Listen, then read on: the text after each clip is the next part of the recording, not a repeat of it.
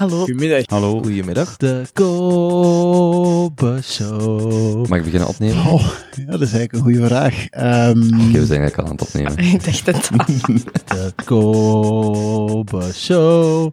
De Kobe Show. 1, 2, 3, 4, zeg maar Herman. Dat ben ik. Maak fouten. Kijk om je heen. Kun jij deze eruit knippen?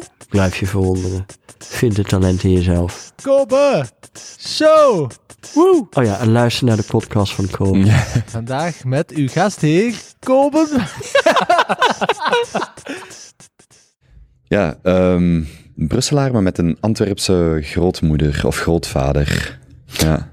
Ja, absoluut. Eh, ik, ben, eh, ik ben een product van de Verenigde Provincies. Mhm. Ehm, dus mijn, eh, mijn grootouder is een Antwerpenaar. Hij is hier gegroeid en hij is naar Brussel vertrokken voor zijn studies. Ehm, en mijn grootmoeder is afkomstig van ehm, Maastricht. Mhm, mhm. En je hebt hen ook wel gekend, die... die, die ja, die leven nog Ze steeds. leven nog. Dus ja, ja, ja. En mijn, mijn grootouder is iemand die zeer belangrijk is voor mij. Dus, Mhm. eh, en ik vind het ehm, leuk om ehm, ja, eh, een beetje een, een, een familie eh, te hebben die, die vanuit verschillende steden van België Mhm. komt. Want uw grootmoeder dan is Nederlands, of uit Maastricht of, nee, of Vlaams. nee. In feite, ze komt van een, een familie die ehm, van Frankrijk is naar Maastricht eh, geweest in de 18e of eh, 19e eeuw. Ehm, en mijn grootmoeder spreekt Frans, Ja. maar mijn grootouder spreekt Nederlands. Dus uw grootvader spreekt Nederlands met u, of sprak vroeger Nederlands, of... Mm, nee, hij spreekt meestal Frans Ja. met mij, maar hij spreekt Nederlands met eh, mijn moeder of eh, Mhm. met mijn, mijn oom. En waar, en ik vind het altijd een beetje, ik vind het altijd leuk, ik spreek zelf ook, een, ik heb het geluk gehad in Brazilië en Duitsland te wonen, ik spreek ook een paar talen.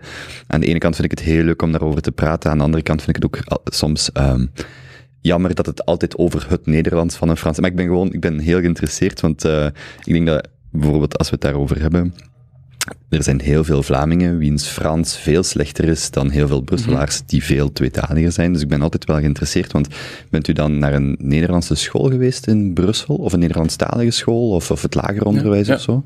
Dus mijn, mijn identiteit is echt, ik ben een Brusselaar. En Mhm. ik denk, een Brusselaar heeft een identiteit die niet noodzakelijk gekoppeld is aan de taal. Mhm. Eh, want ik heb eh, oorspronkelijk Frans eh, thuis geleerd, maar ik heb ook altijd mijn moeder horen Nederlands spreken met, eh, met haar vader. Ik heb mijn kleuterklasse in het eh, Nederlands gedaan en dan ben ik naar het eh Franstalig onderwijs eh, overgeschakeld. Eh, maar bijvoorbeeld, mijn zoon is nu in een Nederlandstalige school in Mhm. Brussel.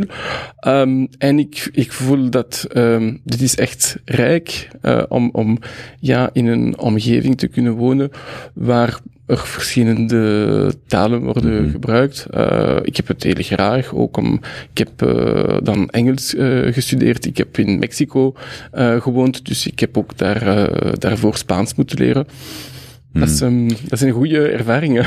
Ja, want het is dus niet zo dat de, misschien voor een Vlaming, ehm, dat identiteit, Brusselse identiteit, ook voor mij als Vlaming hangt eh, identiteit heel hard vast aan het Vlaams. Voor mij, als ik in het buitenland ben, ik heb in het buitenland gewoond, ik miste enorm het Vlaams. Nog niet zozeer het Nederlands van Nederland, maar het Vlaams. Ik vond dat heel leuk, ook de culturele verbinding daaraan.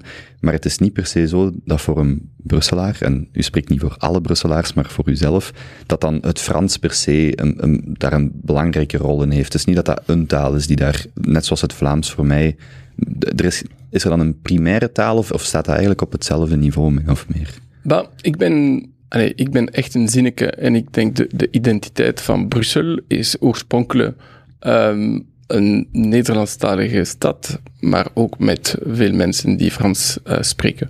En vandaag is het Frans veel minder belangrijk in Brussel dan 20 of 30 jaar geleden. Hmm.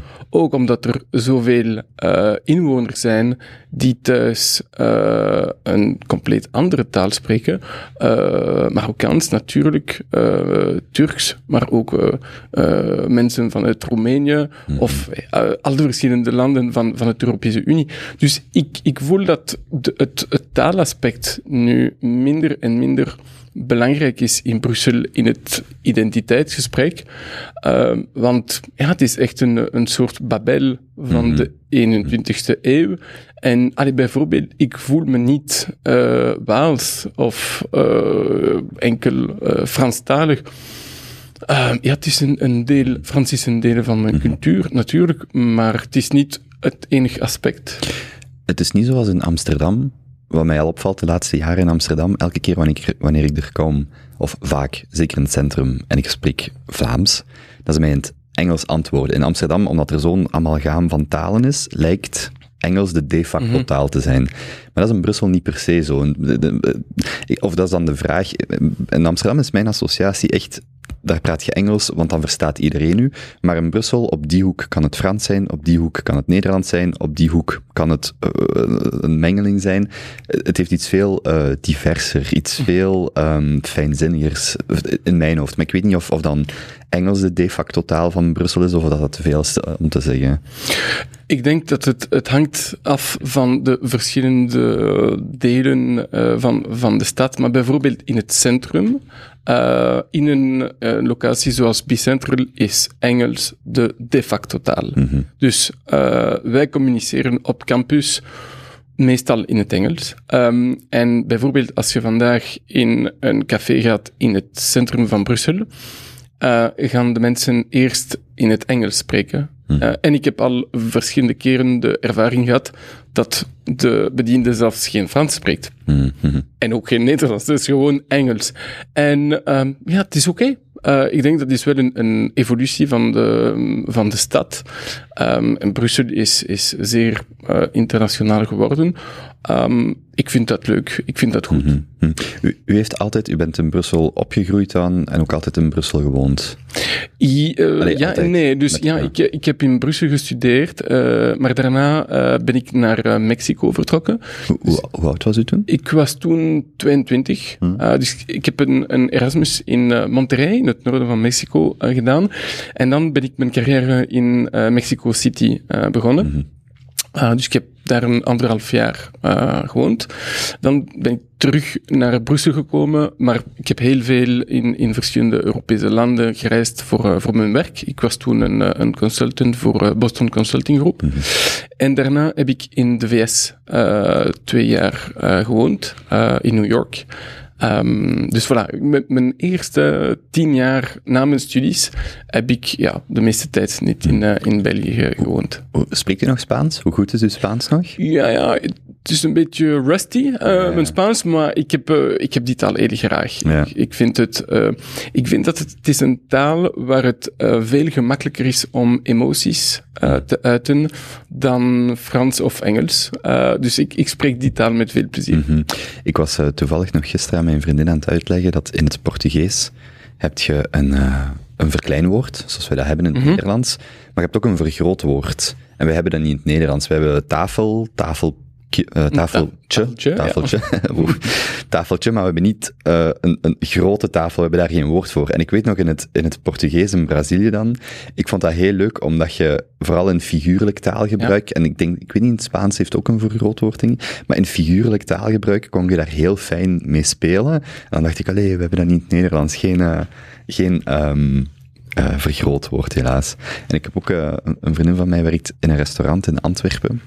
En ze zei dat, ik had daar nooit bij nagedacht, maar ze zei in ons Vlaams, ook in Antwerpen misschien nog meer, we hebben heel veel Franse leenwoorden, en vooral voor, voor Mhm. eten. En wanneer er dan Nederlandse gasten komen, die weten niet wat een rillet is, een kotalos, eh, die vragen dan altijd, ja, wat, wat, wat zijn paté, wat is paté, wat is rillet? En eigenlijk als, als, als Vlaming staat je daar niet meer bij stil, maar we hebben heel veel Franse woorden in ons taalgebruik. En dan van op een afstand vond ik dat altijd heel, zo dat amalgaam aan taal, aan verschillende invloeden, ook aan verschillende ehm, manieren waarop je dingen zegt. Zelfs in het Engels, een Australiër, een, een, een, een Brit, een Amerikaan, heel dat gegeven, ik, vind dat altijd, ik heb dat altijd heel spannend gevonden. Ik kan me voorstellen met kinderen dat dat ook heel spannend is om die zo te zien van overal wat te pikken en wat te combineren. Ja, en in feite spreek ik Mexicaans. Veel meer dan, dan Spaans. Mhm. Ehm, en mijn Spaanse vrienden eh, vinden, het, eh, vinden het altijd leuk om mij te horen in, het, in het Mexicaans. Want het is ook heel verschillend van de Spaans van Spanje. Eh, ook met veel meer Engelstalige woorden, omdat de VS zo, zo dicht bij Mexico staat. Ehm, en, ehm, en- maar ik heb de, de, de Mexicaanse taal heel graag, want er zijn heel veel lokale uitdrukkingen. En het is wel een, eh, ja, een zeer gekleurd taal. Mhm. Ik, ik had niet. ehm, ik heb u uitgenodigd naar aanleiding van een, van een artikel. eh, daar komen we zelfs op terug met de Digital Minds en uw carrière. Ik had er niet echt eh, over nagedacht om eh, over talen en dergelijke te spreken. Maar is het eh, nog één vraag? Want ik ben altijd benieuwd hoe dat ouders dat met hun kinderen doen. Is het dan strikte afscheiding? Bijvoorbeeld, u spreekt dan met uw kind, kinderen. ehm, Frans thuis en dan in school Nederlands? Of loopt dat ook in elkaar over? Of was daar de beste, of, of jullie aanpak voor? Ja, ik spreek eh, Frans met mijn kinderen, eh, maar nu mijn zoon eh, gaat op school in het Nederlands, mijn dochter in het Frans. En ik vind, ik vind het wel belangrijk om talen ehm, vrij jong te leren, want als je later wacht, wordt het veel moeilijker. Ehm, en, en ik vind dat eh, eh, de manier om na te denken is anders in een taal of een andere. Dus taal is niet neutraal in, in hoe je denkt.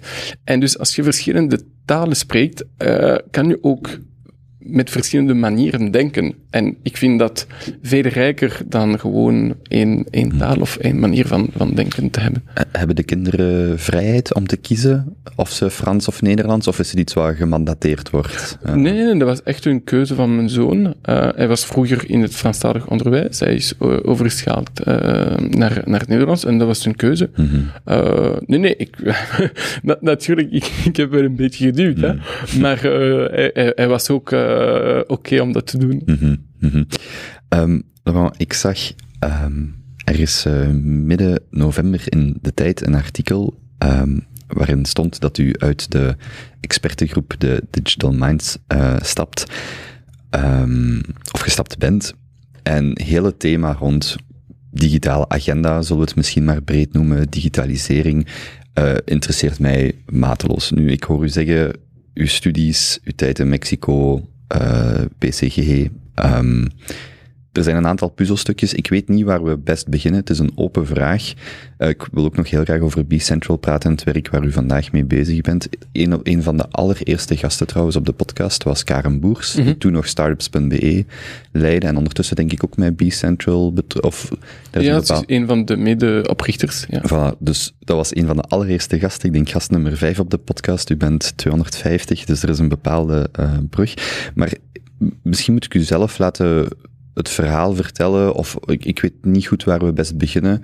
Ehm, er zijn zoveel aspecten, ehm, dus misschien moet ik u laten vertellen over wat dat daar net gebeurd is, wat, ehm, wat de insteek was, wa- wat uw betrokkenheid was, wat misschien uw visie is. Ik, ik Mhm. laat het een stukje aan u. eh. Ja, ja, ja.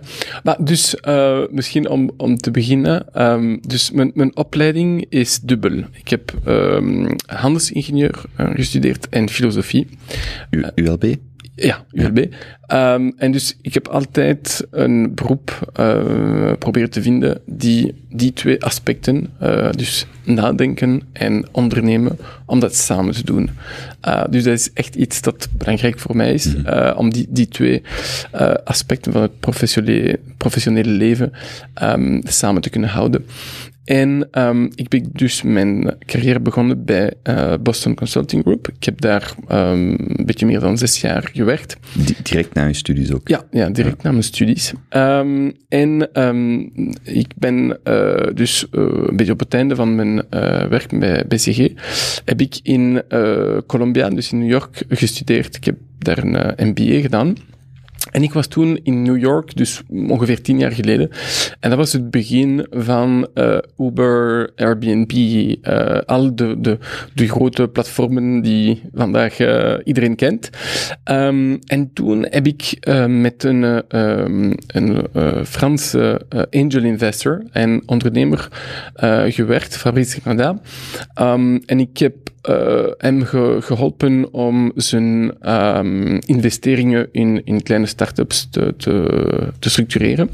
Eh, en ik heb toen met een aantal vrienden een zeer klein fonds eh, opgestart om ook samen met Fabrice te kunnen, te kunnen investeren.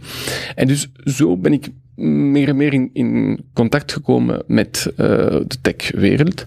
Ehm, en ik vond dat super, super schitterend. Want ehm, al die ondernemers, eh, die wouden de wereld veranderen en echt een impact op de wereld hebben. Ehm, een positieve impact met, eh, met heel veel energie. Dus na een aantal jaar als consultant wou ik echt ook eh, mijn eigen bedrijf eh, opstarten. Maar ik voelde me, ik was toen 30 of, of 32, ik voelde me niet totaal eh, klaar om dat te doen. En eh, ik was ook niet zeker dat ik in de, in de VS eh wou blijven. Ehm, en ik heb dan eh, beslist om eh, voor de overheid te werken. Eh, voor Alexander de Croo. Dus Alexander Want die kent u van posten, want die Ja, heeft ook ja. bij BCG gewerkt. ja, absoluut. Ik heb met, met Alexander de Croo bijna 15 jaar geleden gewerkt. Dus als, ik was toen een super junior consultant Mm. en hij was een projectleider. En zo heb ik Alexander leren kennen. Ehm, en ja, in de zomer 2014 hebben we een zeer open discussie gehad over oh, wat zou de toekomst van digitaal in België moeten zijn.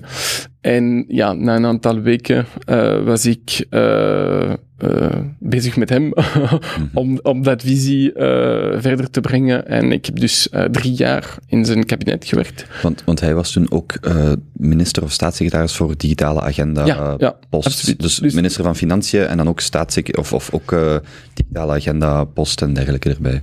Ja, dus in de vorige regering was hij dus vicepremier en minister voor digitale agenda ehm, en post. En dan eh, daarnaast ook ehm, eh, eh, ontwikkeling. Mhm. ehm, ja, ja, ontwikkelingshulp of samenwerking. Ja, ontwikkelingssamenwerking, Ja. absoluut. Ehm, en ik heb dus drie jaar, een beetje meer dan drie jaar, eh, in policymaking gewerkt. Dus ik had een eerste professioneel leven als een consultant en dan een tweede in, voor de overheid, maar in, echt in een, in een adviseursrol. Ehm, en ik vond dat heel interessant. Eh, in, in het begin dacht ik, oké, ik zal daar een enkele maanden gaan werken. Eh, ik was heel curieus, dus ik wou, ik, wou, voilà, ik wou dat proberen. En ik heb het ehm, heel, heel interessant gevonden. Ehm, want de, de politiek is een moeilijk werk. Ik denk dat het is moeilijker dan in een eh, gewoon bedrijf. Ehm, want er zijn... het kader is, is wat moeilijker. Er zijn, eh, in, in een bedrijf moet je gewoon de omzet maximiseren of de, de netto-winst. Allee, de- in the end, eh, this is the name of the game. In de politiek, is het eh, ehm, eh, common good. Eh, maar de, de definitie wat goed is voor, voor iedereen is natuurlijk wat moeilijker dan een, eh, een profit and loss eh, statement. En dus ik vond dat heel interessant. Als filosoof vond ik een werk in de politiek zeer interessant. En ook als ondernemer. Dus dat was, Alexander was toen de, de, de eerste minister die bevoegd was voor digitaal. Dus we zijn echt van een, een blanco pagina gestart. Ehm, en ehm, ik vond het heel leuk, want we, moeten, we moesten echt de strategie bepalen, maar ook de uitvoering en ook eh, communiceren over de maatregelen die, die, die toen eh, genomen werden. Ehm, dus ik, ik, ik vond het een, een moeilijk werk, maar, maar super, ehm, super interessant. Wa- waren jullie met een team, met meerdere Ja, mensen? ja, ja. We, we waren met een team in het kabinet. We waren natuurlijk ook met een eh, vrij kleine administratie. En ehm, ik kwam van buiten de politiek. En ja, ik voel me steeds nog een, een outsider in, in die wereld. En dus we hebben heel veel gewerkt met het ecosysteem. Ehm, en ja, mijn, mijn netwerk was ook eh, veel meer met, met eh, privé-ondernemers en, en mensen die, die, die ik kende van, van mijn vorig leven. Ehm, en we hebben dus Digital Minds toen opgestart. En dat was een manier om een ehm, klankbord te hebben eh, naast het parlement, om ook ehm, de mensen van het ecosysteem eh, te kunnen horen over eh, wat nodig was. Want ik, ik vind het opmerkelijk, ehm, in feite, in het parlement heb je weinig mensen die de technologie begrijpen, eh, die de technologie kennen. Ehm, en dus um, ik vond dat wij een, een, ook een, een ander uh, stakeholder uh, nodig hadden naast het parlement om in de goede, in de goede richting te gaan. En dus dat was uh, Digital Minds. Want er, er was, sorry dat ik je onderbreek, er was geen Waals of Vlaams initiatief. Het federale initiatief was het, de Digital Minds, de Alexander de Croo als uh, minister voor die, dat was het, de enige, het enige overheidsbody of lichaam uh, dat zich met digitale, digitalisering bezighield. Nee, nee, nee, natuurlijk niet. Want allee, digitalisering gebeurt overal. Um, en er is wel een, een deel dat ook federaal moet gebeuren. Maar daarom hadden we ook uh, binnen de, de Digital Minds uh, ondernemers van uh, Antwerpen of Gent of Brussel of Luik of Charleroi of whatever. Um, maar de, de, de bedoeling was echt om, om te kijken binnen bevoegdheden, de bevoegdheden van de federale overheid, wat moet er gebeuren? Hmm. En om zoveel mogelijk natuurlijk gealigneerd te zijn met, met de gewesten, uh, of met, uh, ook met de, de steden bijvoorbeeld. Um, maar alleen, als je kijkt bijvoorbeeld op federaal niveau, is er een zeer belangrijke bevoegdheid rond fiscaliteit. Hmm. En met fiscaliteit kan je heel veel zaken heel snel veranderen. Daarom dat een van onze eerste maatregelen was rond de uh, tax shelter uh, voor uh, start-ups en, en scale-ups. Want dat zijn echt um, hefbomen die, die nog steeds op federaal niveau zijn en die een grote impact kunnen hebben over, op het ecosysteem. Dat komt vanuit die periode? Ja. Die, ja ah, oké. Okay. De auteursrechtenregeling, is dat ook van die periode voor software? Of dat bestond nee, dat, al? dat bestond al. Dat bestond ja. al, maar de tax shelter voor... ah ja, oké. Okay. En zijn dat ook zo de regels van crowdfunding en dergelijke? Mm -hmm. Dat zit ja. daar al... Ja, ja, ja dat is van die periode. Ook deeleconomie uh, mm -hmm. bijvoorbeeld. Uh, ja, ja, dat ah, van die okay. periode. Ja, en die groep van Digital Minds, dat waren dan een twintigtal mensen, mm -hmm. zoiets. Want ja. ik, ik, zag dat nu is aan Saskia van Uffelen, een, van Vlerike, Dominique Leroy, Domin uh, Peter Hinze, er Ja, zitten nog een aantal, ja, een aantal mensen die, als je de lijst ziet, uh, zijn heel herkenbare namen, maar dat is in principe een groep van twintigtal CEO's, ondernemers, die in de brede um, digitale sector aanwezig zijn. Mhm. Ja, en die, de bedoeling was dan om een soort van actieplan of stappenplan uh, te maken voor de federale overheid. Ja, absoluut. Dus de, we spreken hier over de, de vorige, vorige uh, ja. regering. Ja, het idee was om misschien niet om een, een heel groot plan te hebben, um, maar ook een, meer een, een innovatieve aanpak vanuit de overheid te hebben. Dus met een, een roadmap, en dat was toen uh, de Digital Belgium uh, roadmap, maar ook met heel snelle acties. Ah, dus bijvoorbeeld de, de tax shelter hebben we in de eerste zes maanden uh, van, de, van de regering toen opgestart. Dus het idee was ook om, want vaak in de politiek zijn er hele grote plannen Hmm. en dus dat wordt jaren en jaren gesproken. En ja, op het einde van de legislatuur uh, komt er nog niks.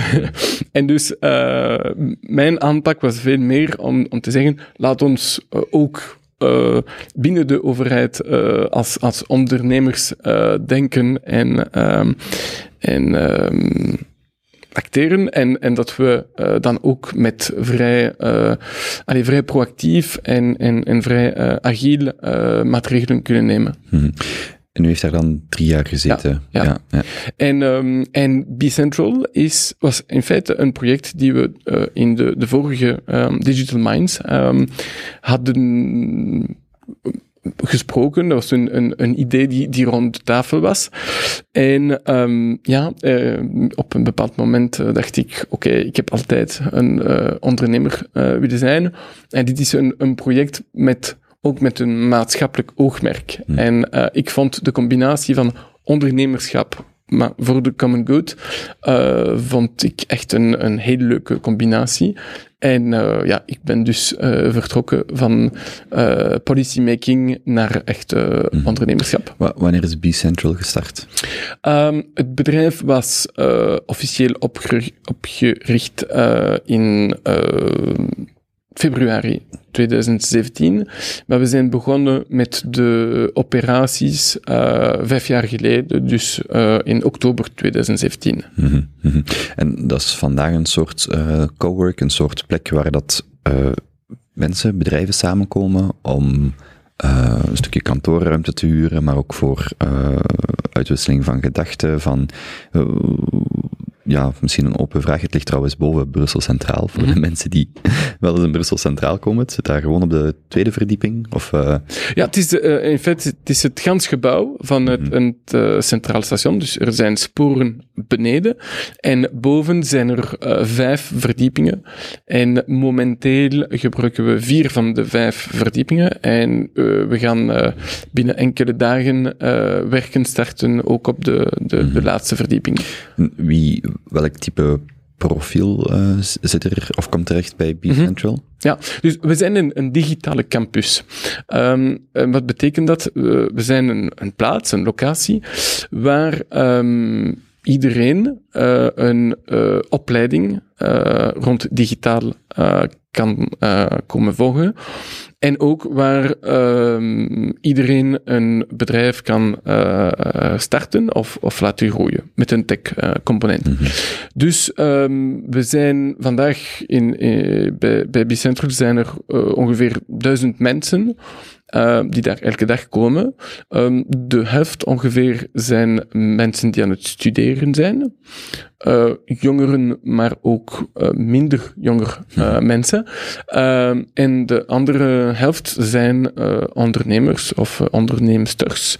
Ehm, meestal voor uh, ja, techbedrijven met een, een, commerciële oogmerk. Maar we hebben ook uh, veel NGO's die uh, rond digitale inclusie werken, um, die actief zijn in, het, in opleiding voor, voor kinderen bijvoorbeeld.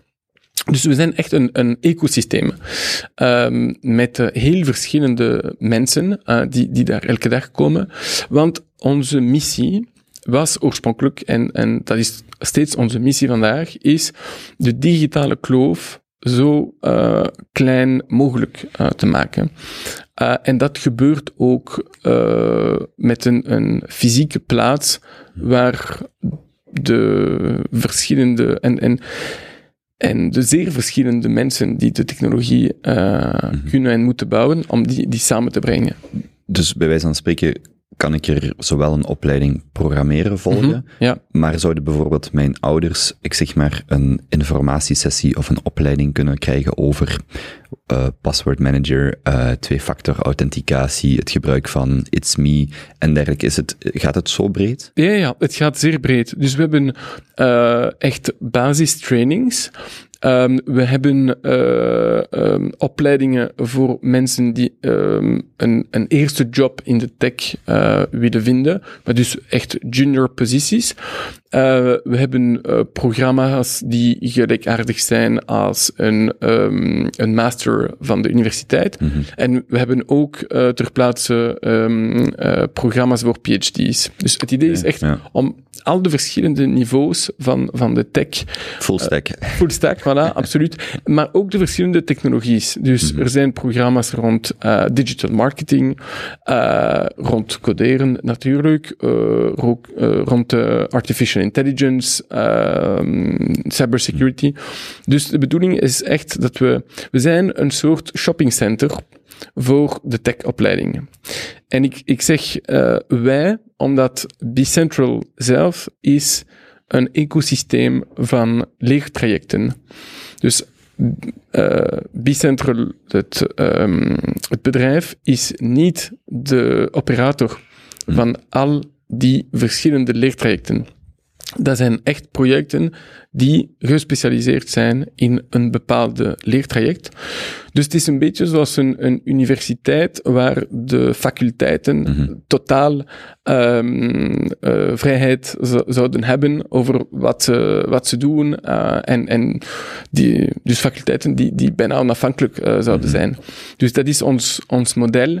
Ehm, we zijn eh, ja, eh, eh, een beetje zoals in, in, een, in een shoppingcenter. Er zijn verschillende merken en, en verschillende winkels. en wij doen hetzelfde, maar rond tech-ondernemerschap Mm. en, en opleiding. En lukt het, het is misschien een, een beetje een, geen stoute, het is niet zo bedoeld, maar lukt het ook om de, digitaal te, de digitale kloof te dichten? Ik kan mij voorstellen dat er veel jongeren of jonge mensen, zal ik het zo zeggen, willen leren programmeren, misschien zelfs een heroriëntatie of bijvoorbeeld handelsingenieur doen en dan denk je, ik wil ook eh, eh, Python leren schrijven, bij wijze van spreken. Maar lukt het ook om die 40ers, 50ers, 60ers, 70ers misschien ook, om die ook ehm, aan, aan, aan te trekken en, en te op te. Bijvoorbeeld, ik zag, en we komen zelfs waarschijnlijk terug op de persoon Mathieu Michel, maar ik las op de website op uh, michel.belgium.be uh, een post over 20, volgend jaar, 2023. Iedereen moet een, of er komt een digitale portefeuille, een soort mm -hmm. van digitale overzicht. Um, en dan denk ik, ja, voor mij en voor u is dat oké. Okay. Wij zijn um, uh, vertrouwd met uh, biometrische data, met Face ID enzovoort enzoverder. Maar voor onze ouders, grootouders, is, het mogelijk of lukt het om die kloof te dichten, om die mensen ook mee te krijgen met uh, bankieren, digitaal mm -hmm. rijbewijs enzovoort enzoverder? Hoe moeilijk of hoe vlot gaat dat? Um, ik denk dat het heel belangrijk is. Uh, want um, we, we kunnen ons niet permitteren om twee maatschappijen naast elkaar te hebben. Eén die totaal online is en de andere die gewoon buiten die, die wereld staat. Dus het is uh, super belangrijk. Um, en de digitale kloof um, is niet enkel voor de oudere mensen. Hmm. Um, er, er, is een beetje het idee, ja, maar de jongeren, uh, digital native, ja, uh, ze kunnen een smartphone heel gemakkelijk gebruiken. Uh, maar we merken dat uh, gewoon om, om snel te kunnen tikken of een, een paswoord creëren, maar ook zelfs voor de jongeren is, zijn die vaardigheden um, niet. Um, um, ils vont pas de soi. En en dat wordt, wordt dat op school geleerd? Nee, niet echt. Dus de digitale kloof is natuurlijk een beetje afhankelijk van, van de leeftijd, maar niet alleen. Ja, ja. Um, en wat werkt, denk ik, is dat er, technologie is geen eindpunt. Het is gewoon een manier om een bepaalde doel te, te bereiken. En dus um, voor, om de mensen die, die een beetje buiten die wereld uh, te kunnen aantrekken, moet je een aanpak hebben die zinvol is voor die persoon. En daarom dat er geen uh, one-size-fits-all aanpak mogelijk is. Want we hebben iedereen verschillende redenen waarom wij de technologie willen gebruiken. Hmm. Misschien voor een oudere persoon is dat uh, de technologie is belangrijk, want het is een manier om thuis te kunnen blijven. En dat is echt belangrijk. Thuis blijven en niet uh, naar een, een bejaardenhuis gaan, dat is iets die, dat echt een, een, een belang heeft voor, uh, voor de persoon. Mm-hmm. En dan wordt de discussie over de technologie gemakkelijker. Want oké, okay, er is een, een reden om, om dat te gebruiken. Um, en natuurlijk moet het gebruiksvriendelijk zijn. Um, en daarom dat ik, ik vind dat ITMI zo'n sterke um, technologie is om de digitale kloof uh, kleiner te maken, want het is gebruiksvriendelijk en ook heel, uh, heel veilig. Uh, en dus we hebben die soort toepassingen nodig om ja, iedereen aan, aan boord te krijgen. Mm-hmm. Hoe, naar uw inschatting, waar staat België, zal ik dan maar zeggen, um, internationaal gezien, met die digitalisering, zowel bij de jongere als bij de oudere mensen? Hinken wij achterop? Is het, gaat het vlot, gaat het niet vlot? We kunnen uiteraard over boutades, zoals de stad Antwerpen die gehackt wordt en dergelijke. Mhm. dat, zijn dan, dat zijn andere heel interessante discussies. Maar dat is misschien nog een boutade, want ik las ook op die pagina van Michel, ehm, we willen elke stadsdienst ehm, weerbaar maken tegen cyberaanvallen. Ik dacht, eh, dat, is, eh, dat, is zeer dat is zeer ambitieus, Ja. zeer optimistisch. Ik denk dat dat de facto niet gaat, maar goed, dat is een andere discussie. Maar waar, waar staan wij eigenlijk? En waar ik ook nog aan aan het denken was, deze morgen toen ik eh, over dit gesprek een beetje aan het nadenken was, eh, ehm, ik ben 31, u bent nog iets ouder. Dat is nog de periode waarin, toen wij online kwamen, computers konden wij zelf gemakkelijk bouwen, ehm, torrents, ehm, nieuwsgroepen. Er is een stukje infrastructuur, denk ik, die wij hebben meegekregen. Eh, heel, heel simpele dingen. Wat doet een CPU als RAM-geheugen? Hoe werken al die dingen samen? Hoe werken netwerken? Ehm, dat is iets wat voor mij... Terwijl als ik jongere mensen vandaag zie, die zijn zeer goed met de interface, met de Mhm. content, met de TikTok-filmpjes, met virale eh, content. Maar de achterliggende kennis van eh, structuur, van serverinfrastructuur, van...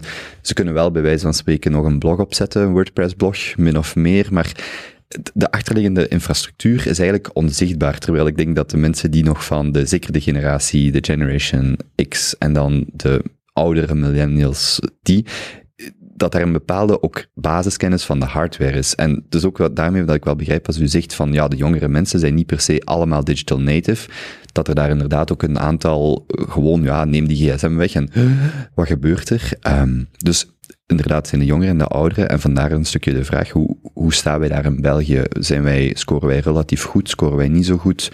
Eh, is er veel werk aan de winkel? Minder? Ehm, ik denk dat we zijn heel sterk op bepaalde elementen en zeer zwak op eh, andere eh, elementen, want ja, digitaal is, is een Hmm. beetje overal. Ehm, maar nu, in het algemeen zijn we minder sterk dan in het verleden, omdat de andere Europese landen, of, of zelfs andere landen eh, buiten Europa, sneller aan het evolueren zijn dan, dan wij. Eh, dat is heel duidelijk, bijvoorbeeld in de DAISY-index. Dus DAISY is de Digital eh, ehm, Society Index van de, de Europese Commissie. Ehm, een aantal jaar geleden waren we binnen de top 5. En vandaag zijn we, ik denk, nummer 16 of zoiets. Mhm. Ehm, maar wat zien we? Ik denk ten eerste, ons onderwijs blijft weinig technisch. Eh, er zijn Europese landen waar programmeren een taal, of een van de programmerende talen, ehm, op school binnen de curriculum eh, Mhm. wordt ehm, gestudeerd. Onder 18. Eh, Onder 18. eh, lagere school, Ja. middelbare school. Ja, Ja. absoluut. Ehm, dat is niet noodzakelijk het geval in België. In veel Belgische scholen gebeurt dat niet. Eh, dat gebeurt in eh, eh, Finland of in, eh, in de UK bijvoorbeeld. Mhm. Dus, ehm, en ik denk het is heel belangrijk dat we ehm, vrij dat we vroeg starten met de opleiding rond de technologie. Eh, wij organiseren bijvoorbeeld eh, kampen voor kinderen tussen 8 en 12. En waarom eh, gaan we achter die doelgroep? Want ehm, tussen 8 en 12 is de gender differentiation niet zo groot. Mhm. En dus voor een meisje is het absoluut oké om de basis van eh, programmeren eh, te leren. Het is cool. Dat is nog cool. Hmm. En, en ik denk dat het echt belangrijk is dat we op 8, 10 jaar starten, eh, voordat ja, jongeren en, en, en meisjes wat ehm, eh, eh, aparte trajecten nemen. Want dan zien we dat eh, ja, in, in onze eh, hoger onderwijs dat er zeer weinig eh, jonge meisjes zijn die, die dan eh, stemstudies volgen. Dus ik denk dat we, we moeten beter doen in het onderwijs. Ehm, we zijn heel sterk in hardware. IMEC in Leuven Hm. is een van de beste onderzoekscentra in de wereld. Misschien zelfs de beste, eh, het beste onderzoekscentrum eh, rond nanotechnologie in de wereld. We zijn heel sterk rond ehm, basisinnovatie, uh, dat is duidelijk. Um, nu, het gebruik van de technologie in de maatschappij, wel, het is een beetje afhankelijk van de sectoren. It's Me is een van de top-notch technologie in Europa. Uh, geen ander land heeft zo'n uh, zo'n systeem om uh, binnen de overheid of binnen privé-diensten te kunnen inloggen. Maar nu, als je kijkt hmm. bijvoorbeeld ehm, gezondheidszorg via digitaal, blijft uh, heel laag in, in België. Uh, als je bijvoorbeeld naar Estland kijkt, hmm. uh, ze hebben een portaal met al hun uh, gezondheidsgegevens. dus elke burger kan al zijn gezondheidsgegevens heel gemakkelijk vinden. en het is al tien jaar begonnen. Wij hebben dat nog niet in België. Dus er zijn een aantal uh, openbare diensten, en een maar ook een, een, aantal privédiensten die nog steeds niet um, beschikbaar zijn online. Um, en en ik vind dat heel belangrijk, zeker voor um, uh, de, de digitale inclusie.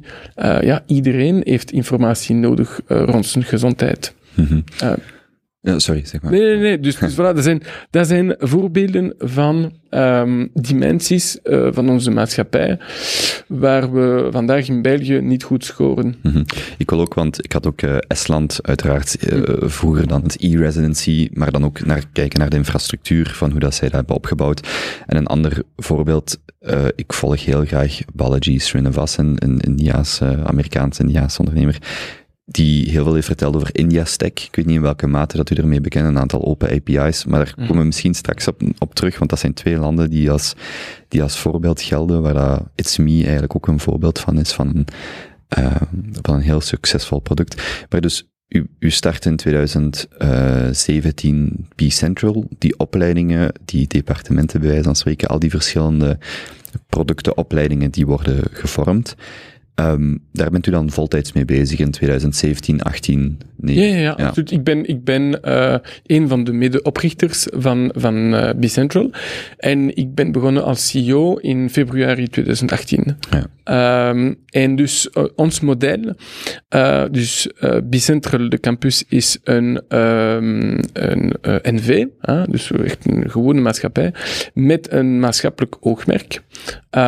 toen was dat mogelijk in, in de vorige um, vennootschaprecht. Uh, nu vandaag zijn we een NV met een stichting uh, daarnaast. Dus um, we zijn geen uh, gesubsidieerde organisatie of we zijn geen overheidsbedrijf. Mhm. ik heb 64 aandeelhouders. Uh, dus de eigenaars van Bicentral zijn ondernemers van het ecosysteem. Um, en dan de overheid is een uh, minderheid uh, aandeelhouder, hmm. uh, dus via FPIM. En, de participatie... Wacht, sorry. Nee, ja, de participatiemaatschappij van de federale overheid. Van de federale. En, en, hoe heet die? FPIM. FPIM. En staat voor? Federale Participatie- en Investeringsmaatschappij. Ja, oké. Okay, okay. PMV is Participatiemaatschappij Vlaanderen. Vlaanderen. Ja, ja, juist. Oké, oké. Okay. En dus die zijn minderheidsaandeelhouder. Ja. ja. Dus de, de staat is een aandeelhouder in Bicentral. Mm -hmm. um, maar we zijn dus een, uh, een, uh, een normaal bedrijf. Uh, dus met een. een we, we hebben een commercieel model. en mm -hmm. we moeten rendabel zijn, zoals alle andere bedrijven. Misschien een heel korte zijsprong. Ik wil er uw mening over vragen in welke mate zou een overheid, PFIM, PMV, in Limburg, LRM, mm -hmm. uh, succesvol weliswaar, in welke mate zou een overheid, en PMV is het vehikel dat ik het beste ken, überhaupt moeten participeren in venture cap, in uh, durfkapitaal, in, is daar een bepaalde filosofische discussie in welke mate dat dat moet. Het, het, was denk ik een maand of twee, drie geleden met Moritz van der Rijnen, denk ik, die in het parlement vragen stelde over het aantal investeringen specifiek dat PMV deed, omdat daar een aantal uh, uh, um, eh, omdat niet alles publiek gemaakt mag Mhm. worden. Maar is het aan zich een, een goede strategie dat een overheidsvehikel durfkapitaal verleent? Is dat, verstoort dat de markt? In welke mate verstoort dat een privémarkt? Even als, als aside om, om te vragen. Eh, ik vind dat een zeer goede zaak. Ehm, want in, in het algemeen, een beetje een, een filosofische ehm, aanpak daar rond. Eh, een overheid kan eh, drie grote rollen hebben. Een strategische rol. En binnen die strategische rol is er eh, dan de, de overheid als investeerder. Er is een eh, op- operatorrol. Eh, en vandaag in België hebben we heel veel eh, publieke operators. Ehm, voor eh, de openbaar vervoer of voor opleiding of voor whatever. En dan de overheid als ehm, een beetje de, de referee eh, on the field. Dus eh, over het, het eh, impact measurement en eh, het eh, eh, ja, zeker maken dat de, de, de regels worden, worden gevolgd. De de autoriteit voor concurrentie of justitie en, enzovoort. Ja, FSMA. FSMA, justitie, voilà, ja, absoluut. ja. Dus, dus de, de regulatie, zeker maken dat de, de, de markten goed werken. Ja, dat zijn de drie grote rollen. En in mijn ogen moet de, de staat van morgen moet een lange termijn visie hebben. Eh, dus dat is echt de, de eerste rol. En daar rond is investering belangrijk.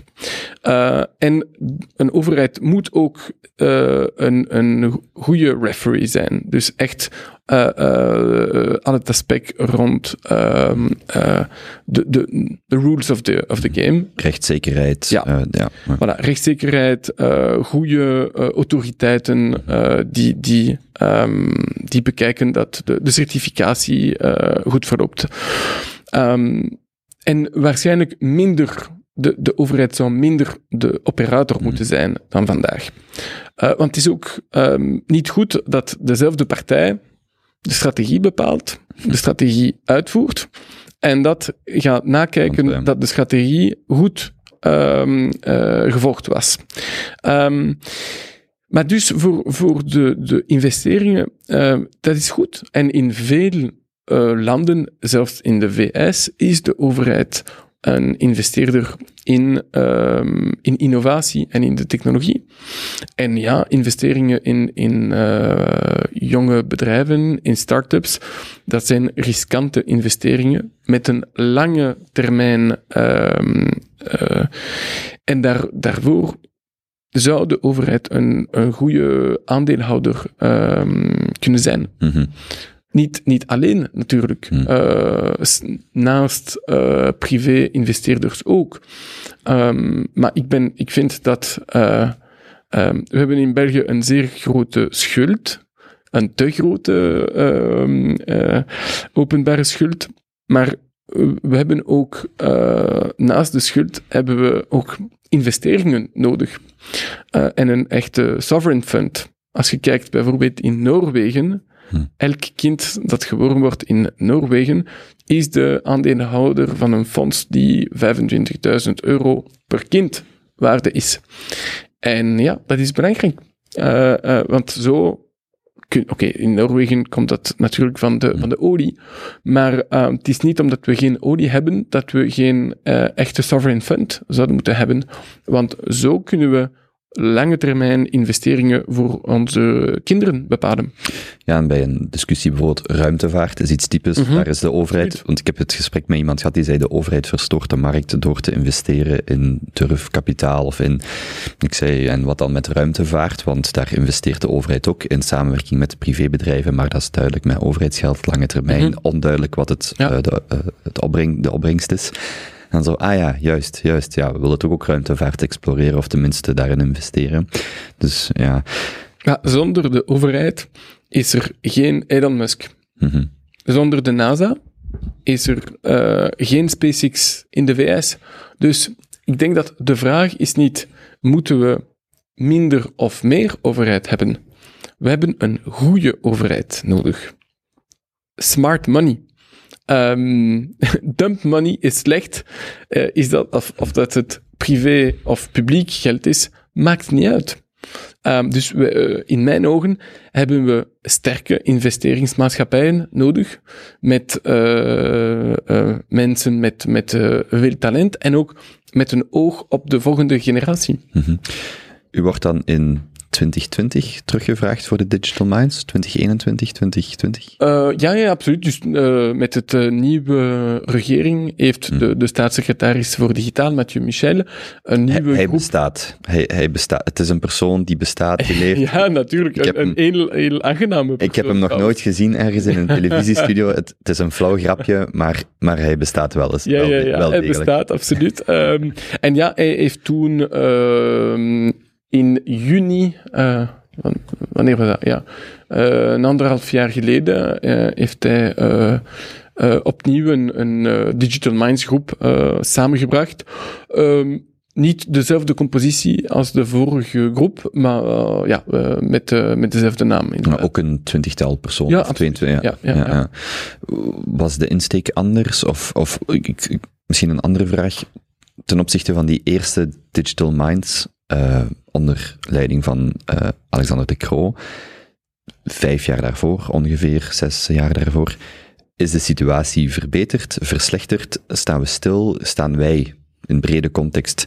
eh, is de urgentie groter, kleiner? Waar, waar staan we in 2021? Is, is het wat u net zegt van die DSI uh, of die, uh, die Mhm, in- mhm. index. Um, wat is het gevoel in 2021 wanneer die digital minds samenkomen?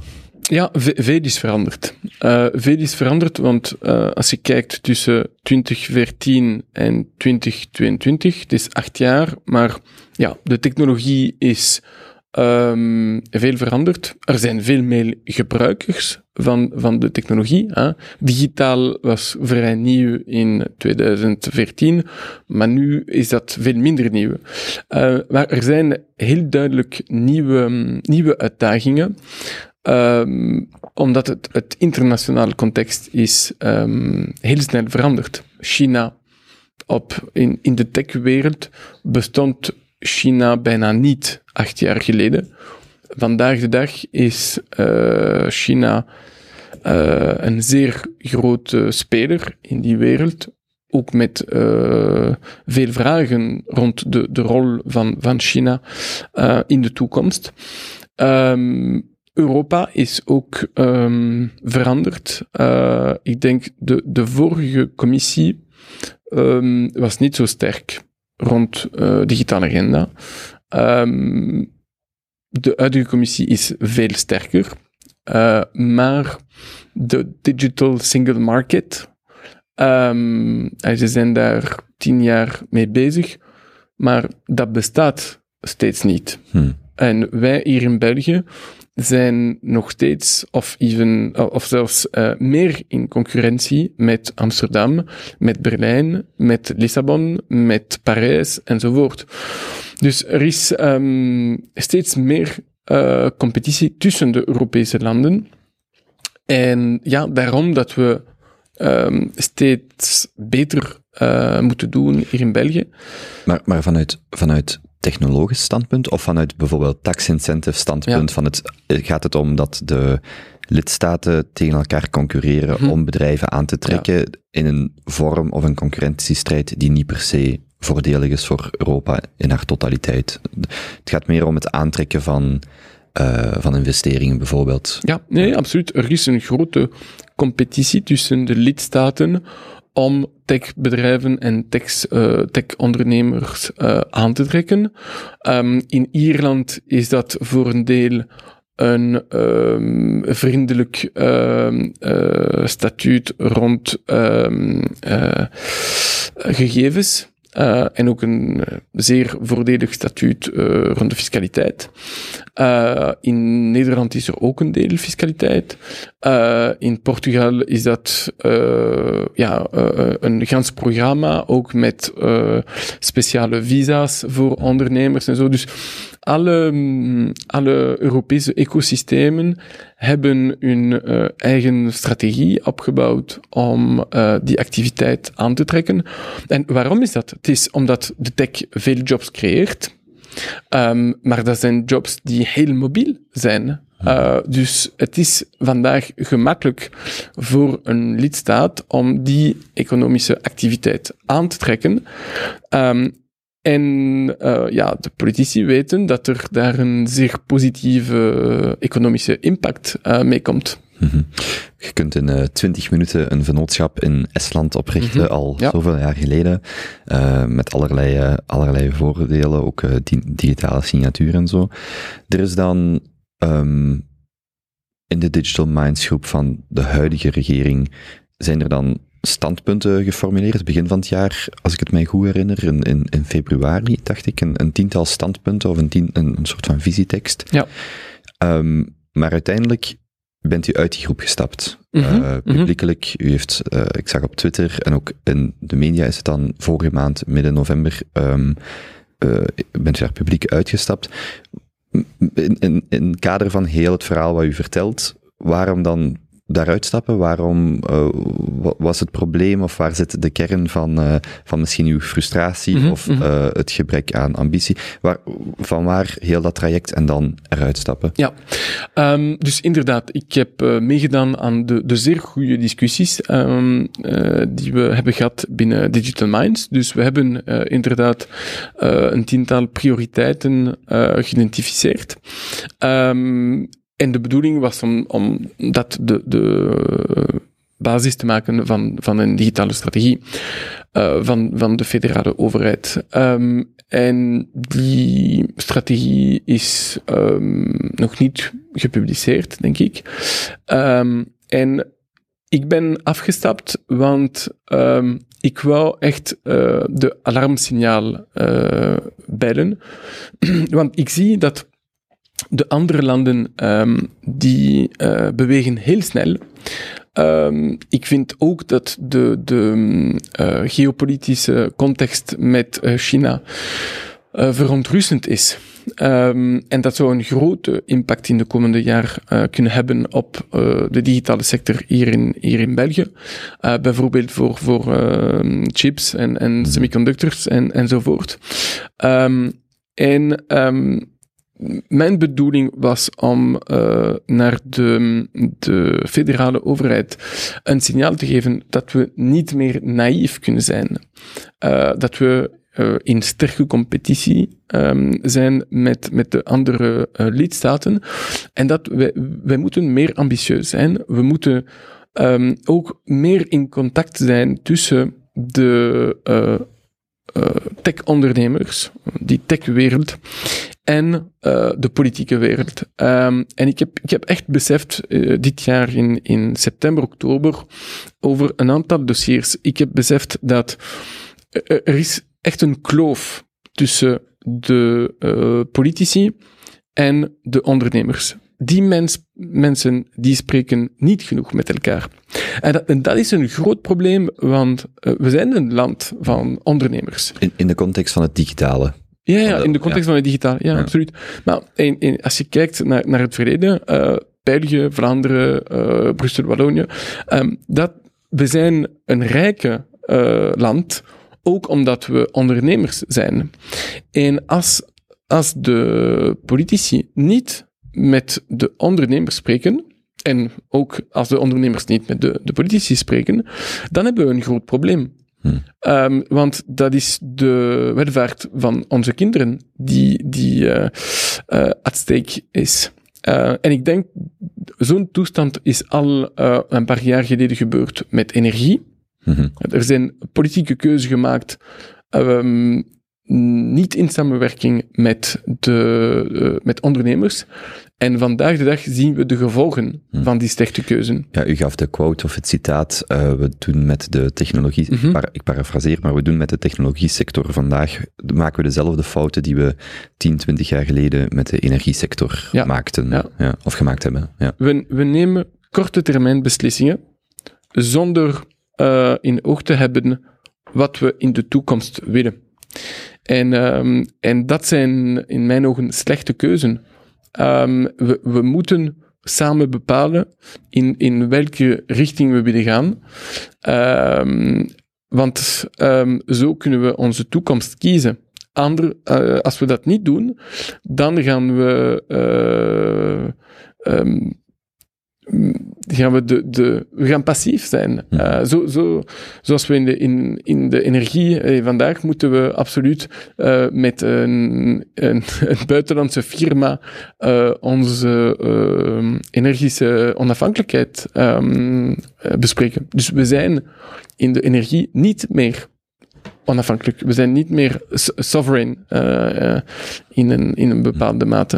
En wat zijn dan, wa- want de Digital Minds is toch net een groep om die kloof of om die brug te Mhm. bouwen. Ja.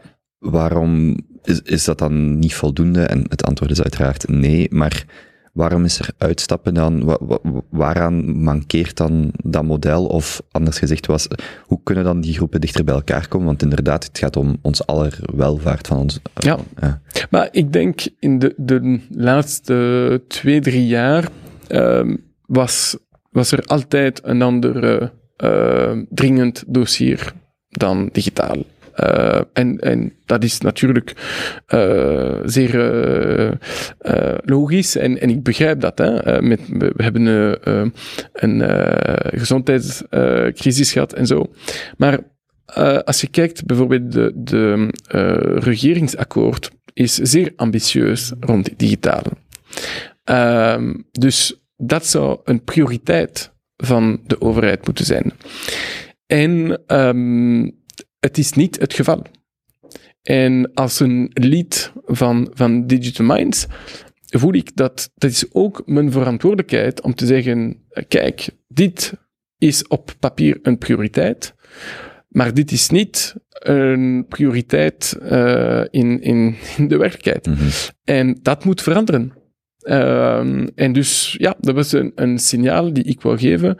Ehm, er moet hier een, een, eh, een verandering komen, want anders gaan we blijven eh, zakken in, eh, in de internationale rankings en gaan we onze competitiviteit rond technologie ehm, laten, laten zwakken.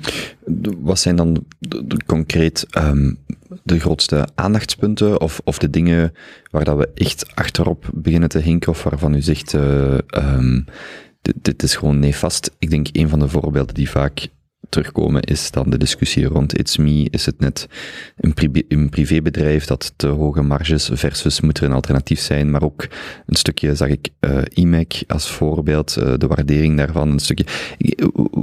Waar zijn de, waar brandt het vuur Mhm. of waar brandt de haard het, het hardst? Waar zitten de grootste punten? Want ik denk ook voor, voor mijzelf of voor luisteraars, eh, het is ook wat u zegt, digitalisering is zo'n groot begrip. Waaraan merken wij dat we, eh, dat we echt achterstand opbouwen? Wat zijn de Ja. meest urgente werven, bij wijze van spreken? Dus ik denk, er is één werf rond het opbouwen van nationale kampioenen in digitaal in België. Uh, en ItsMe is één van de voorbeelden, maar er zijn andere uh, voorbeelden, uh, bijvoorbeeld Seaters. Um, Seaters heeft um, de vaccinatie uh, afspraken uh, volledig uh, um, gemanaged tijdens de, de COVID-crisis. Seaters, uh, op, zijn, op zijn Engels? Ja, ja, ja. ja. En dat is een, een Belgische scale-up. Wij hebben een aantal spelers die Europese kampioenen kunnen worden. Maar om dat te doen, moeten we, moet er een samenwerking zijn tussen uh, die spelers en de overheid. En dat gebeurt ook in andere landen. Ik denk dat een van de moeilijkheden hier in België is dat vaak het, uh, de publieke sector ziet de privésector als competitie. Um, en in, in de, de wereld van vandaag, uh, het gaat rond ecosystemen. Dus uh, privéactoren en publieke actoren, die moeten samenwerken. Ik ga je een voorbeeld geven. In Frankrijk, uh, tijdens de, de COVID-crisis, heeft de regering beslist om heel nauw uh, samen te werken met een lokale scale-up. En die scale-up is vandaag een van de grootste um, health tech van Europa. Um, dus dat is een, echt een industriële um, uh, industrial economy uh, uh, uh, strategie van de overheid. Mhm. En die hebben wij ook nodig in België. We moeten onze eigen kampioenen laten groeien. En dus voor een deel is dat om, het is een, een, een betere samenwerking tussen de overheid en, en die bedrijven. En dus natuurlijk voor mij, als ik hoor dat de overheid nu een concurrent van Intsmi gaat bouwen, maar dat in feite de overheid is ook een aandeelhouder van Intsmi. Um, die, ik weet niet, tientallen miljoenen die in een concurrent gaan, ik zou die liever binnen een, een iets steken en dat bedrijf tot een, een Europese kampioen laten groeien. Hmm. En dan als, als um, iets niet te duur zou zijn in de markt, oké, okay, maar dan, dan kan de overheid altijd reguleren. Dat kan een rol van de overheid zijn. het, is een, het is een monopolie. Ja, natuurlijk. Natuurlijk is de, de authenticatie uh, op, op uh, uh, digitale toestellen, dat is een, een monopolie. Ja, mm -hmm. en, en de digitale wereld is vol met monopolies. Dus we hebben een sterke regulatie nodig, natuurlijk. Maar we hebben ook kampioenen nodig. Want als, als wij hier in België de kampioenen niet laten groeien, zullen die in andere Europese landen groeien, of zullen die vanuit de VS of vanuit China komen. Mm -hmm. En ik heb het liever om uh, een, een lokale speler te hebben voor de authenticatie. Want de authenticatie is de eerste stap uh, rond uh, privacy en, en cyberveiligheid. Dus dat zijn echt toepassingen die een, een absoluut strategisch belang hebben voor een land zoals België. Een van de, de dingen die mij ook mateloos frustreert, is de kost van digitale data. Van uh, de kost per gigabyte bijvoorbeeld ja. voor data-abonnementen.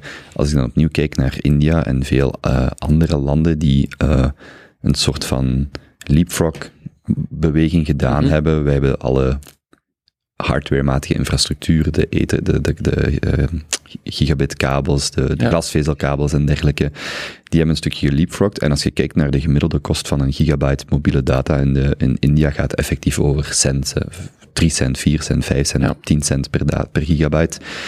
Terwijl, ik heb het nog eens nagekeken, een, bijvoorbeeld een data-only abonnement bij Mobile Vikings, wat de goedkoopste is, is voor 8 gigabyte 15 euro per maand. Mhm. Dat is 2 euro per gigabyte. Ehm, dat- ehm, je hebt wel spelers zoals een Tadam en dergelijke, het komt wel, maar de 5G-licenties en dergelijke, al die dingen waar dat wij achterop... Dat zijn niet dingen die we... Want iedereen heeft het altijd bijvoorbeeld over wifi in de treinen, dat denk ik, ja, goed. Maar die achterstand die daarin wordt opgebouwd, is, is gigantisch. En dat zijn kleine dingen die wij niet per se doorhebben, qua infrastructuur ook, qua beslissingen, qua prioritisering van, van die bepaalde werven. Maar wanneer je over de landsgrenzen kijkt, over de Europese grenzen, in, bijvoorbeeld in India, zijn veel meer mensen online met een veel stabielere connectie dan dat wij hebben gehad, of dat, dat wij hebben. En die, dat is ook een stukje die digitale kloof. Je kunt mensen maar uh, meekrijgen in de mate dat uw infrastructuur idealiter onzichtbaar is. Maar als je Mhm, merkt mhm. dat er, uh, be- ja, zo dat soort dingen, dus 5G-licentie, uh, de kost van data, dan snap ik echt niet van, hoe, hoe, hoezo wordt daar niet, wordt daar niet sneller op geageerd of gereageerd? Ja. Ik denk dat we uh, niet genoeg in de infrastructuur hebben geïnvesteerd in het verleden. Dat is heel duidelijk. En, uh, en daarom dat uh, onze infrastructuur uh, rond, rond telecom en dus rond digitaal vandaag in achterstand staat tegenover veel Europese landen en zelfs landen zoals India en anderen. En het is heel jammer, want als je kijkt naar België, we zijn centraal um, uh, gelokaliseerd in Europa. We zijn een land met een hoge uh, bevolkingdensiteit. Dus we hebben alle ingrediënten om een hoge kwaliteit, goedkoop uh, digitaal infrastructuur te, te kunnen bouwen.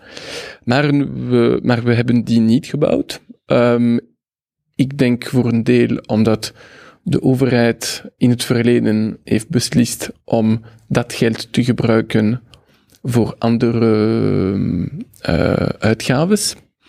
Uh, we hebben niet genoeg geïnvesteerd. En we hebben niet genoeg geïnvesteerd in de hardware. En we betalen de kostprijs daarvan vandaag.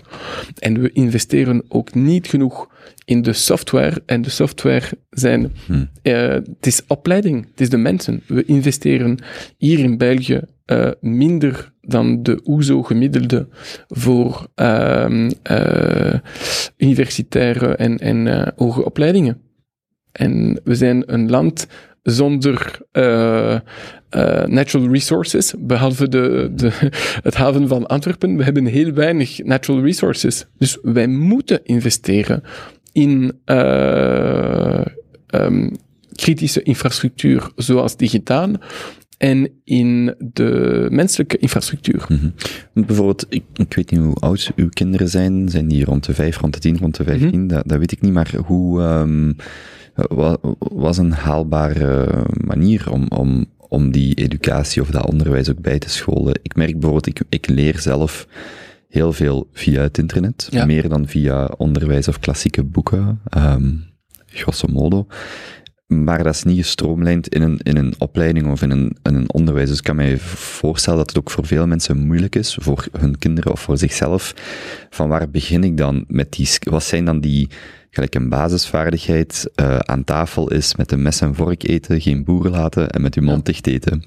Wat zijn de equivalent, ehm, de equivalente vaardigheden, basisvaardigheden voor een digitale eh, gereedschapskoffer? Of, of, of is dat per se is dat eerder een, een, een filosofische aanpak van een, eh, ik zeg maar, coderen? Of is dat zeer praktisch gewoon leren met een bepaald... Ik, ik weet niet of er een bepaald, eh, eh, bijvoorbeeld voor, ook voor, voor mijzelf, voor mensen die hier naar luisteren, van wat zijn eigenlijk basisvaardigheden Mhm. waar we aan kunnen werken voor eh, die kloof te dichten? Wat zijn dingen die we eigenlijk allemaal eh beste zouden, net gelijk we een rijbewijs halen, lessen doen, wat zijn een soort van lessenpakket voor eh, die digitale kloof te verkleinen? Ja, ja, ja. Maar het is een, een heel, hele goede vraag natuurlijk. Ehm, en mijn, mijn kinderen zijn 11 en 9. Ehm, en ik zie een groot verschil eh, tussen het Nederlandstalig onderwijs en het Franstalig onderwijs eh, rond het gebruik van digitaal op school. Dus mijn, mijn zoon heeft een tablet gekregen. En ehm, bijvoorbeeld, ehm, dus hij is nu dit jaar Nederlands aan het leren.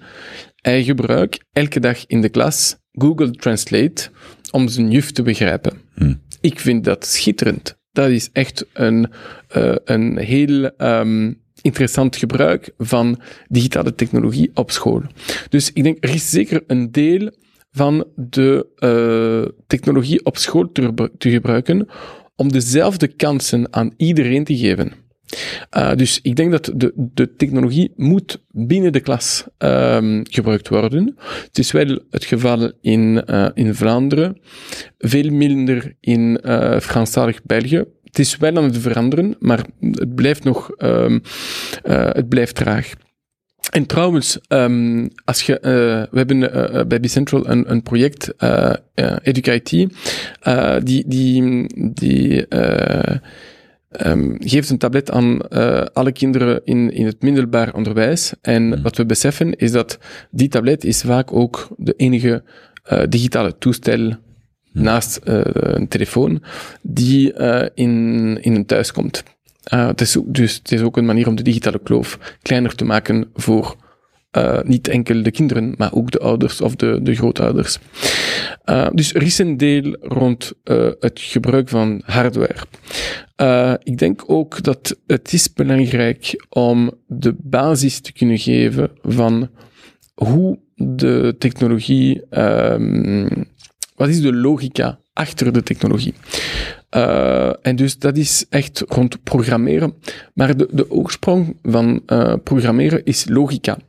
Uh, en ik vind dat onze uh, onderwijs rond de wiskunde is, of zeker op, op Franstalig gebied, daar krijg je vrij weinig opleiding rond logica.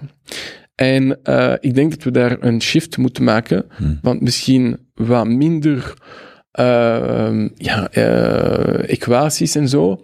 En veel meer eh, eh, logica. Want logica is, is vandaag de dag met, met coderen een, een, eh, een zeer belangrijk ehm, aspect van onze maatschappij eh, eh, geworden. En dan is er voor mij een, een derde luik die heel, heel belangrijk is.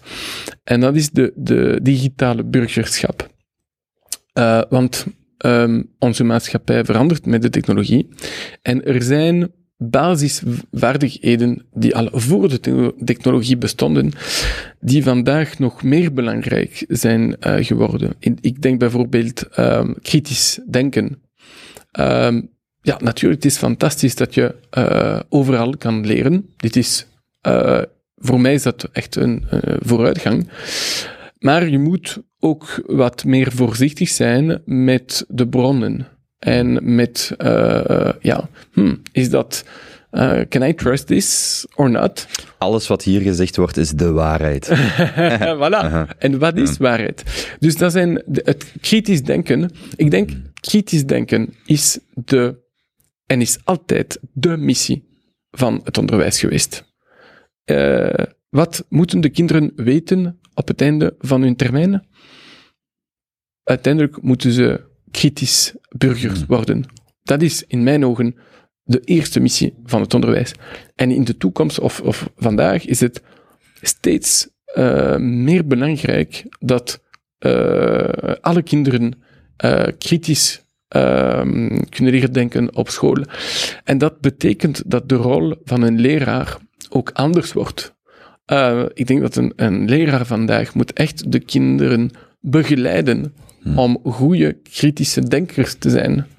Want moet, moet je alles uh, van harte weten? Hmm. Je hebt uh, uh, OpenAI en, en Wikipedia en zo ehm, aan de hand. Dus dat is misschien minder nodig. Maar je moet, ehm, je moet kunnen interpreteren wat OpenAI vandaag zegt je moet daarover kritisch kunnen, kunnen nadenken. En dat zijn echt vaardigheden die, die belangrijk zijn. Ook de basiselementen um, van burgerschap. Um, ik, ik, soms ben ik uh, een beetje verbaasd van uh, het gedrag van mensen online. We, blijven, uh, we blijven humane mensen zelfs uh, achter een computer en zelfs via Twitter of uh, whatever. En er zijn een aantal regels, basisregels van de samenleving, die nog uh, ja, steeds van toepassing zijn. En, en die, um, die heel belangrijk zijn in, in een maatschappij waar het is, het is zo gemakkelijk om te communiceren vandaag. Maar dat betekent ook dat de, de regels uh, rond een, een goede communicatie, die zijn ook, uh, of die, die, die worden ook uh, veel meer belangrijk. Hmm. Ik, ik was naar een, ook een interview aan het luisteren met de CEO, oprichter van Stable Diffusion, van de, de Stability, denk ik dat het bedrijf heet, mm -hmm. maakt niet uit. En die, um, die gaf een voorbeeld van een, um, een kamp, een vluchtelingenkamp in Maui, Mali, Maui. En um, aan de hand van uh, AI, van software, zal ik maar zeggen, gaven ze die kinderen les in het Engels, één uur per dag. En op dertien maanden konden ze die, ik weet niet juist, ik herinner mij niet meer welk het niveau was, maar hij zegt dat is ongelooflijk wanneer we een, in plaats van een leerkracht en een klas, wanneer we dat model omdraaien en we geven elk kind een geïndividualiseerd traject aan ja. de hand van software, aan de hand van AI. En we maken van de leerkracht niet per, niet per se de persoon die de informatie overdraagt, maar een soort coach, trainer die helpt, die bepaalde woorden die Google Translate niet kan, ver, of de betekenis van woorden, of de connotatie, of de tegenstrijd, die een soort van coachingrol heeft, veel meer dan een uh, overdracht van informatie, want die overdracht kan door software veel gepersonaliseerder gebeuren. En die gaven dat voorbeeld dat ze er dus die kinderen vlot uh, Engels kunnen leren, een uur per dag, gemiddeld 13 maanden. Dat je mij ook afvraagt, ja, dat zijn allemaal zelfs dat soort gesprekken, deels ook omdat de noodzaak hier niet zo hoog is, maar ik denk dat de gemiddelde Belg daar totaal niet zich van bewust is dat, wij, dat er eigenlijk heel veel mogelijkheden zijn om op een veel snellere en interessantere manier met technologie te spelen. Terwijl, ja, ik denk als je vandaag, als je dat vandaag in een klas zou implementeren, dat je heel veel weerstand krijgt. Hoewel dat aan zich niet, eh, Hm. niet zo slecht is. Maar als je dan die voorbeelden van andere plekken hoort, dan denk je echt van, ah ja, wacht, dit, dit zouden wij ook moeten kunnen. Wij kunnen, moeten kunnen, ook kunnen leren programmeren, kritisch denken, intro in filosofie. Voor mij persoonlijk, ik had in mijn derde of vierde middelbaar een leerkracht wiskunde die ik helemaal niet leuk vond. En sindsdien vond ik wiskunde niet meer leuk. Als ik dat vergelijk met de mogelijkheid om een, geïndividu een geïndividualiseerd traject te kunnen volgen in wiskunde, waar dat, ja, waar dat je gewoon op je eigen tempo leert, dat lijkt mij Mhm. veel interessanter Ja. voor veel kinderen. Maar zelfs die, ja, al dat soort discussies voeren wij niet, of, of tenminste, ik, heb geen kinderen, dus ik weet niet in welke mate dat die gevoerd worden. Ehm, maar het is soms een beetje frustrerend om te zien hoe wij dan achterop hinken daarop, op Ja. dat soort eh, ideeën of voorstellen. Mhm. Ja. Maar ik, ik denk de, de technologie is vol met beloftes. En zeker voor rond onderwijs. Het individualiseren van, van, eh, van het leren is, is absoluut fantastisch. Ehm, natuurlijk zijn er ook gevaren. Als je kijkt wat eh, bijvoorbeeld vandaag gebeurt in China, eh, waar die eh, individualisatie gebruikt wordt om echt de, de kinderen te, te, te controleren. Hmm. Ja, dat willen wij niet. Zeker niet. Maar als de technologie gebruikt wordt om ehm, dezelfde kansen aan iedereen te geven met lagere kosten, dat is fantastisch. Ehm, nu, ik denk ook dat wa- wat toont die, die evolutie, is dat de rol van een leraar is om een materie door te geven. Ja, het is natuurlijk.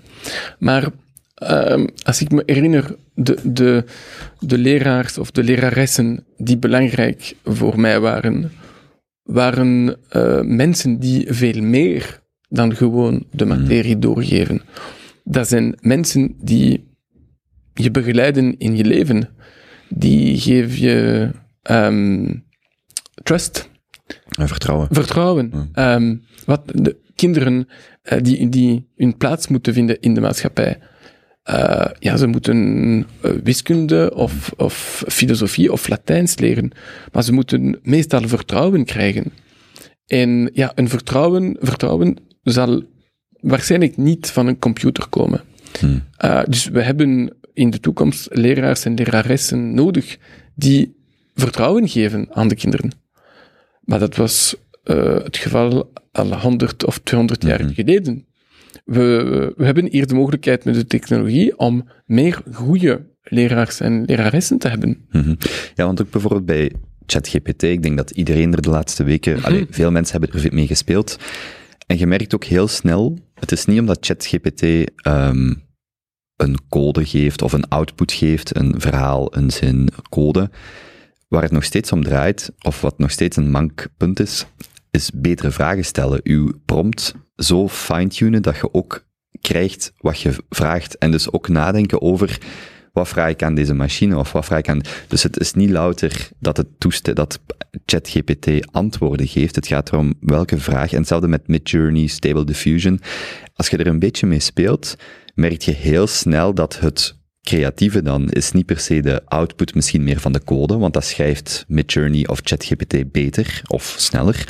Maar het, het verschuift naar opnieuw het nadenken, het, het formuleren, het, de essentie van wat vraag ik aan deze computer, wat vraag ik aan dit model, wat vraag ik aan deze software. Ja. En dat ook daar weer niet te, voorlopig, dat, dat valt niet te outsourcen. Dat is opnieuw het nadenken, wat is exact, ik heb een beeld in mijn hoofd, wat zijn exact de parameters. En je merkt heel snel wanneer ik iets ingeef van, wow, er komt een heel andere, oké, dat bedoel ik niet. Oké, ik bedoel het zo. Oké, dan toch in die stijl. En dan in de, bijvoorbeeld iets heel simpels, en ehm Ehm, een, een- Madonna is misschien een, een voorbeeld van een zangeres, maar ik probeer aan een kunstenaar te denken. Je hebt mensen die in hun carrière ook heel verschillende stijlen doen. Mhm. Dus als je Ja. zegt, ik wil een nummer in de tekst van, in, de, in het genre van Madonna.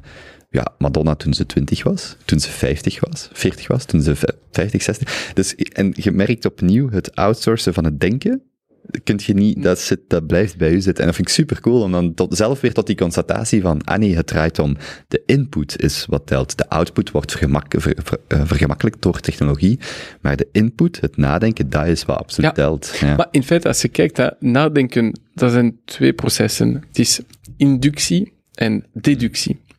En voor de deductie gebruiken we al jarenlang machines. En eh, ChatGPT is gewoon de sterkste machine vandaag om deductie te doen. En ja, het is ongelooflijk.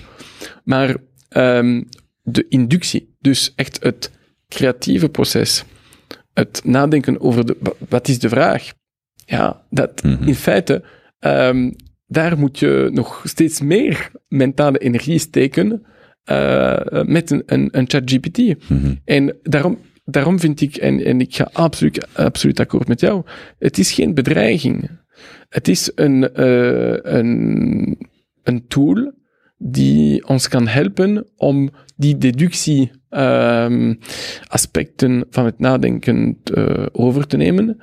En dat geeft ons meer tijd om over de inductie Hmm. te, te, te werken.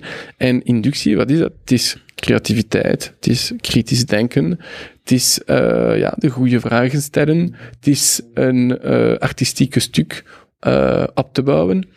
Eh, want ja, er zijn, er zijn eh, artificial intelligences die, die een, een schilderij kunnen maken. Maar waarom ehm, schrijven wij boeken of maken we een schilderij? Het is om emoties of om, om, om iets te zeggen. Hmm. Niet per se om op het einde een, een schilderij te hebben. En die ehm, menselijke ervaring heeft de, de, de computer niet. Dus dat zijn, dat zijn nieuwe vragen over voilà, onze identiteit en over onze, ehm, wat is ons doel in het leven. Ja, want die, eh, als je bijvoorbeeld, als je een, bijvoorbeeld een ChatGPT met een boek vergelijkt, beide hebben een bepaalde, eh, die teksten hebben een bepaalde informatie, een bepaalde visie, een bepaald verhaal, maakt niet uit. Maar wat je daarmee doet, hoe je dat invult, hoe je dat appliceert in je leven op bepaalde, dat is, dat is een heel ander proces. Ja, dus ik ja. kan u de beste teksten ter wereld geven, als jij er niks mee doet, of je laat ze links liggen, dan maakt dat niet uit, dan, is dat, dan, dan bestaat dus die, en dat proces, de combinatie dan van bijvoorbeeld een individuele eh, leertraject eh, aan de hand van software, ehm, met bijvoorbeeld een coachende leerkracht, lijkt mij zoveel interessanter. Ik weet ook in de COVID-periode, toen kinderen thuis moesten Mhm. blijven, waarvan ik denk dat we de komende jaren nog heel veel gaan studies over gaan zien Ja. en gaan heel hard de vraag stellen waarom we dat gedaan hebben. Maar Absoluut, goed, dat is, absoluut. dat, is, ja, dat, is, Ja. dat is voor later, helaas, voor die kinderen. Maar ehm, ik heb toen eens aan iemand gevraagd van stel nu dat we de 100 beste leerkrachten, of 1000 in Vlaanderen, in Wallonië, in België samenbrengen. En we laten die een, op een digitale interface lesgeven, zodat kinderen wel thuis nog kunnen uit, Mhm. geïndividualiseerd. Ik denk dat daar, dat is niet wat morgen gaat gebeuren, maar dat zijn allemaal technologische mogelijkheden die wij vandaag te weinig gebruiken. We hebben dan nog steeds een leerkracht die via Zoom lesgeeft. Maar ja, die kinderen die zoomen uit. Na, na, na een kwartier zijn die, uh, want je moet op een scherm volgen. Maar als dat een interactieve, geïndividualiseerd traject is, dan is dat veel interessanter Ja. om daarmee aan de slag te gaan. Absoluut. En dan zie je die, die leerkrachten worstelen, struggelen met de, met de kennisoverdracht via Zoom, wat heel moeilijk Mhm. is. Je ziet de kinderen struggelen, want die interface is veel te, te- is veel te, te, te gebrekkig. En er zijn alternatieve, geïndividualiseerde leertrajecten die wij niet gebruiken, of ja. niet voldoende, of niet kennen, of nog niet hebben. En dan zie je zo'n voorbeeld van eh, die vluchtelingenkamp, en dan denk je, waarom hebben wij dat in België Ja. niet? Of al dat soort dingen. Ik denk een van de gevolgen van, van de COVID-periode is dat ehm, nu ehm, le- eh, digitaal leren en leren op afstand synoniem zijn. Maar dat is niet waar. Ehm, je kan de technologie gebruiken niet op afstand. Mhm. En dat gebeurt heel vaak bij ons in, eh, bij Bicentral. We hebben veel programma's waar de, de jongeren via eh, een, een computer leren.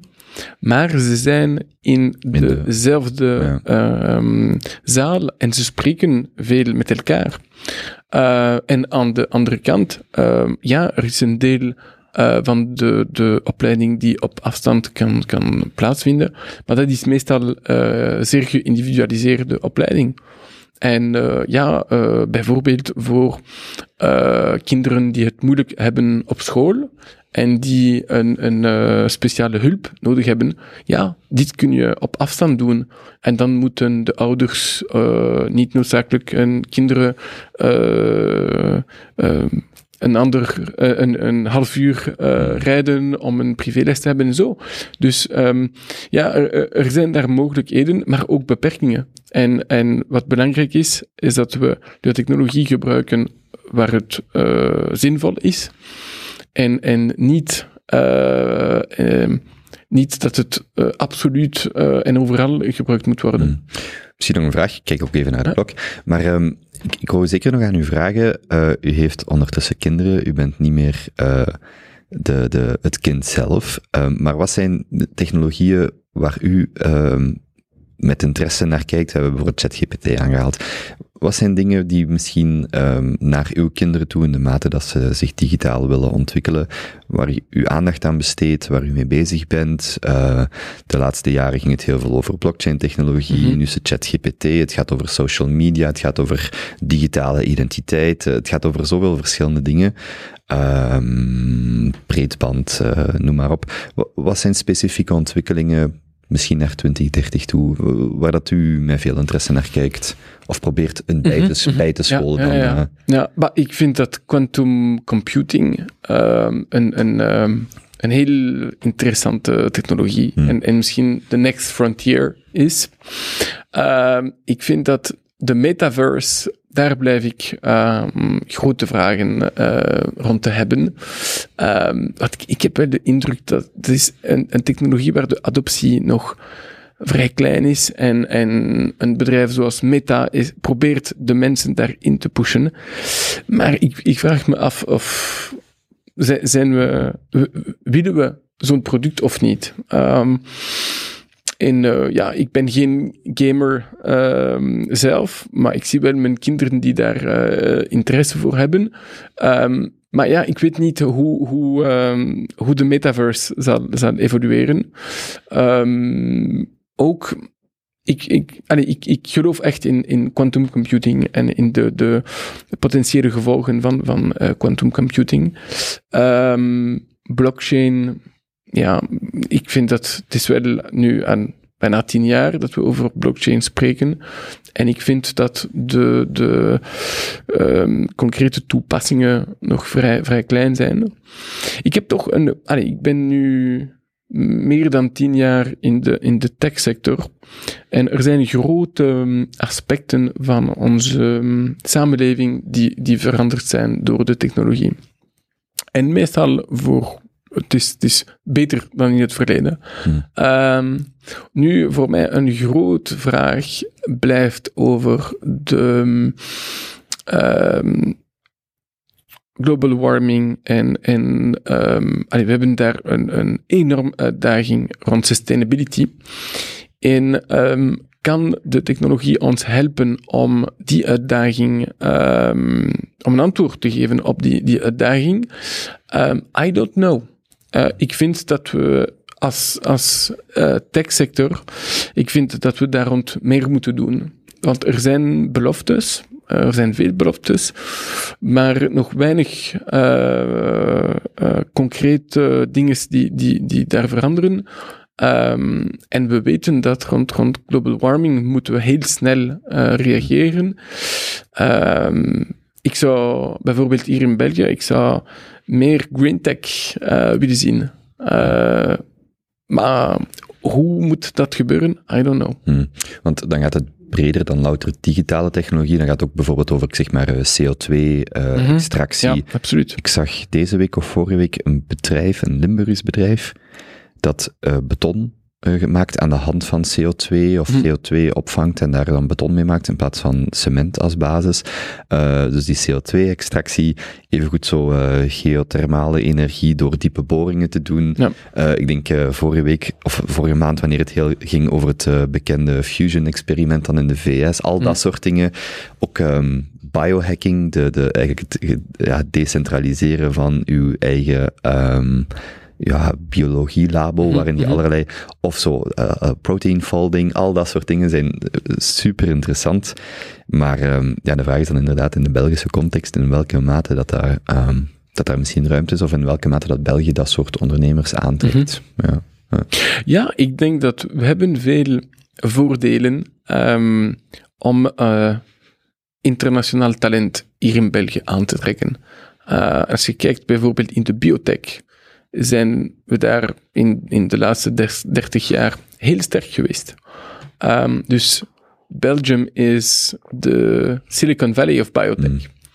En, eh, en bijvoorbeeld in de toekomst kan de digitale technologie een verschil maken, eh, bijvoorbeeld voor klinische testen. En dus voor de toekomst van, van die sector. Ehm, dus ja, we, we, die soort eh, internationale filières ehm, hebben wij eh, opgebouwd voor biotech. Ik denk dat we dat in, in de toekomst ook moeten bouwen rond ehm, ehm, eh, space eh, exploratie. Bijvoorbeeld een, een bedrijf ehm, zoals Aerospace Lab in, in, in het zuiden van België. Allee, die soort bedrijven, dat zijn very exciting. En, maar daar zijn ehm, ook... Zij zei van de sensoren, de, Dus ze, ze bouwen mini-satellieten hmm, Ehm, en eh, ja, ook met de, de, de bedoeling om echt eh, veel meer data te, te, te kunnen aggregeren. Ehm, en er, ja, er zijn zoveel eh, mogelijke toepassingen in, in de special industry. Ehm, nanotechnologie, eh dat zijn ook eh, eh, of, of eh, wat je het had over DNA en zo, dat zijn, dat zijn allemaal ehm, domeines waar we, hebben heel nauwe expertise nodig. Allee, we hebben de, kans hier om een, een gezondheidssysteem te hebben die, die heel, heel goed is. En ehm, dus we hebben dus de, mogelijkheid om dat verder op te bouwen in de, in de toekomst en, en talent aan te trekken. Eh, ik denk dat we hier in België ehm, niet genoeg eh, marketing doen over wat er hier goed gebeurt. Hmm. Eh, we hebben, een, een, te- we hebben een, een, een brand nodig rond technologie. Digitaal en, en, en breder dan digitaal. Een, een aantal jaar geleden was er de. de ehm, eh, hadden we die, die, die imago van een, een sterke, innoverend land. Ik, ik denk dat we dit. Eh, het is, België is niet enkel eh, chocolade en, eh, en bieren. Een stukje zoals bij de, in de farmasector, waarvan elke Belg ondertussen ziet van oké, de farmasector is heel sterk in België. Eh, misschien zo'n soortgelijke uh, tax incentive Ja. of whatever, eh, om een, eh, andere sectoren ook in die mate aan te trekken. Want als je nu kijkt wat daar de, op, de, op- dat de opbrengst daarvan economisch, eh, menselijk, gewoon groot is. Mhm. Ik ga nog heel even ik, ga nog, ehm, ik had hier ook nog opgeschreven filosofie, omdat Ja. je op je profiel had gezien. Ehm, misschien een, eh, een beetje een, een, een, een eh, onnozele vraag, maar heeft u ehm, een, een, een favoriete filosoof of een, een filosofie, een, een, eh, een soort van, eh, hoe moet ik het zeggen? Filosofie is zoals digitalisering, een heel groot eh, concept. Is er een bepaalde onderstroom, een bepaalde filosofische stroming, een bepaald persoon, filosoof, waarvan u zegt, die persoon heeft eh, mijn denken gevormd, ehm, een bepaalde periode in de tijd, een Ja. eeuw, een, ik, ik- een open vraag. Ehm, ja, dus ik, ehm, ik heb filosofie gestudeerd, maar ik ben geen eh, specialist van, van de filosofie. Dus eh, ik doe, voor, mij is eh, filosofie een beetje zoals met de fiets rijden. Eh, dus je, je, je- kan natuurlijk Remco Evenepoel worden, of je kan gewoon met je fiets op kantoor gaan en, en in, in de weekend met, met vrienden gaan rijden. Dus ik zie dat, voor mij is, is filosofie een beetje fietsen, maar voor, voor de, de brain cells. Ehm, en ik heb dus een, ehm, eh, een, een subjectief aanpak eh, rond filosofie, want het is, mijn werk niet. Ehm, dus ja, ik heb een aantal filosofen ehm, die, die ik eh, graag lees. Voor mij is filosofie een, een discipline, maar het is ook een kunde. een kunst, sorry. En dus ik lees graag filosofen die zich als kunstenaar eh, voelen en die goed schrijven. Eh, er zijn filosofen die heel moeilijk zijn om, om te leren en die ook zeer conceptueel zijn, maar zonder stijl. Eh, bijvoorbeeld Kant is, is daar een, een, een voorbeeld. Dus ik lees Kant niet graag. Maar ik lees iemand zoals Montaigne bijvoorbeeld. Ik was er net aan het denken, als u, toen, toen u zei iemand die als kunst, en moest ik meteen aan Montaigne denken, ja. En die goed Dus schrijft. ik vind het, het laatste boekje van Les Essais eh, van Mhm. Montaigne vind ik ongelooflijk eh, interessant. Dat is echt een levenervaring van eh 500 jaar geleden. Die, ik, ik voel me heel dicht bij die, die ervaring. En ik vind die ervaring ehm, heel nuttig eh, om over mijn, mijn eigen eh, professionele leven na te denken. Kent u trouwens, eh, bent u bekend met de eh, biografie van Stefan Zweig over? Ja, Dus ja, ja, Stefan Zweig dat vind ik- eh, Ik vind dat boekje ja, specifiek heb ik graag aan veel mensen gegeven, omdat Mhm. die biografie van Montaigne, eh, over Montaigne Ja. van Zweig, vind ik nog steeds een heel aangenaam dun boekje om, mee te, om zowel de, de interesse in Montaigne als in Stefan Zweig Mhm. te, Ja. te, eh, aan te wakkeren. Ja. Absoluut. En, en Montaigne, is Montaigne een filosoof of gewoon een man Hmm. die ja, een, een goede leven wil, leven en, en die daarover heeft geschreven? Ja, het is een, een open vraag. Ehm, ik lees ook heel graag eh Anna Arendt. Eh, Anna Arendt is wel een van de filosofen die ik eh, de laatste jaren heb ontdekt. En ik vind dat ze, ze heeft een, een heel prachtige stijl, maar wat ze schrijft ehm, is ehm, eh, echt in- interessant in de tijden die we, ehm, die we vandaag leven. Ach- Achman in Jeruzalem. Ja, dat is, de, eh, dat is echt de, de, de, de meest bekend boek van, van, ehm, van Arendt. Maar ik vind dat ehm, eh, haar boek over... ehm, in, in, in het Engels dat The Human Condition, waar ze, ze schrijft over wat zijn... over werk en, en de... de, de eh, eh, de plaats van werk in, in een maatschappij. En ze spreekt ook heel veel over democratie. Uh, Anna Arendt is een van de grote politieke denkers van de 20e eeuw. En ehm, ja, ik vind dat ze. ehm, ze heeft een. een, ehm, wat ze, ze 50 jaar heeft geschreven, ehm, is van totaal van toepassing vandaag. Mhm, mhm. Ik ken haar vooral vanuit het, eh, het stukje totalira, totali, eh, totali, Totalitarisme. to- ja, voilà. Ja. dat was vooral mijn, eh, mijn inleiding, maar minder, want ik heb het meteen genoteerd, Human Condition heb ik, Ja. was mij niet bekend of nog niet gelezen in ieder geval. Ehm, de- de- zijn dat dan werken of auteurs waar u vaak naar teruggrijpt? Ehm, of zijn auteurs, hoe- welke rol spelen? Zijn auteurs die bijvoorbeeld in uw, in uw opleiding hebt gevonden? Ehm, of misschien iets wat u jaarlijks herleest? Of, of welke rol spelen die vandaag in, in uw leven? Ja, filosofie ehm, blijft een belangrijke rol in, in, in mijn leven spelen.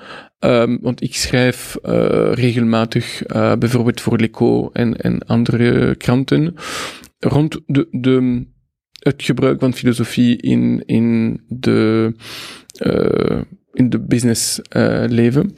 Ehm, maar bijvoorbeeld een, een Montaigne. Ik ga, ik ga heel regelmatig terug naar eh Les Essais de Montaigne bijvoorbeeld. Of naar eh, Stoïcisme ook. eh, of, of andere.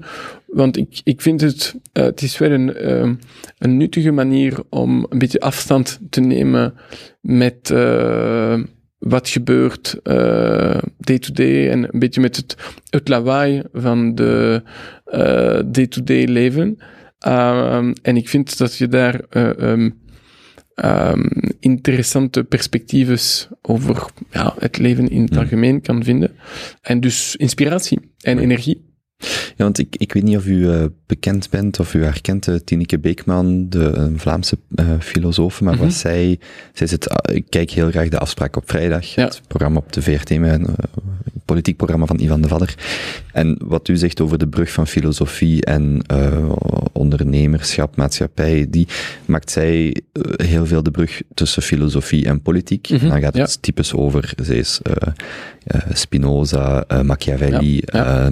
En zij maakt daar heel vaak de brug. En ik vind haar altijd een heel interessante persoon. Ik heb haar ook zelf mogen interviewen, vond ik ook, uh, maar ook in bijvoorbeeld de afspraak vind ik het heel interessant dat zij vaak die brug maakt weg van de waan van de dag of de, Ja. hè, de noise, de, en naar een, een, een, een eerder een, een systemische aanpak of, een, of, of hoe je het ook wilt noemen. En altijd heel interessant om zo die, die twee werelden Ja. um, te zien samenkomen met uh, wat er vandaag dan extreem belangrijk is versus wat er, als, wanneer we uitzoomen, uh, van Telles en hoe dat een boek van 50 jaar geleden of een, of een auteur of autrice uh, of iemand van 500 jaar geleden, hoe dat die toch um, een bepaalde vorm van de relevantie blijft Mhm. behouden, omdat dan de invulling is anders, maar de vragen de, de, is, is, is eigenlijk gelijkaardig. Of, Ja.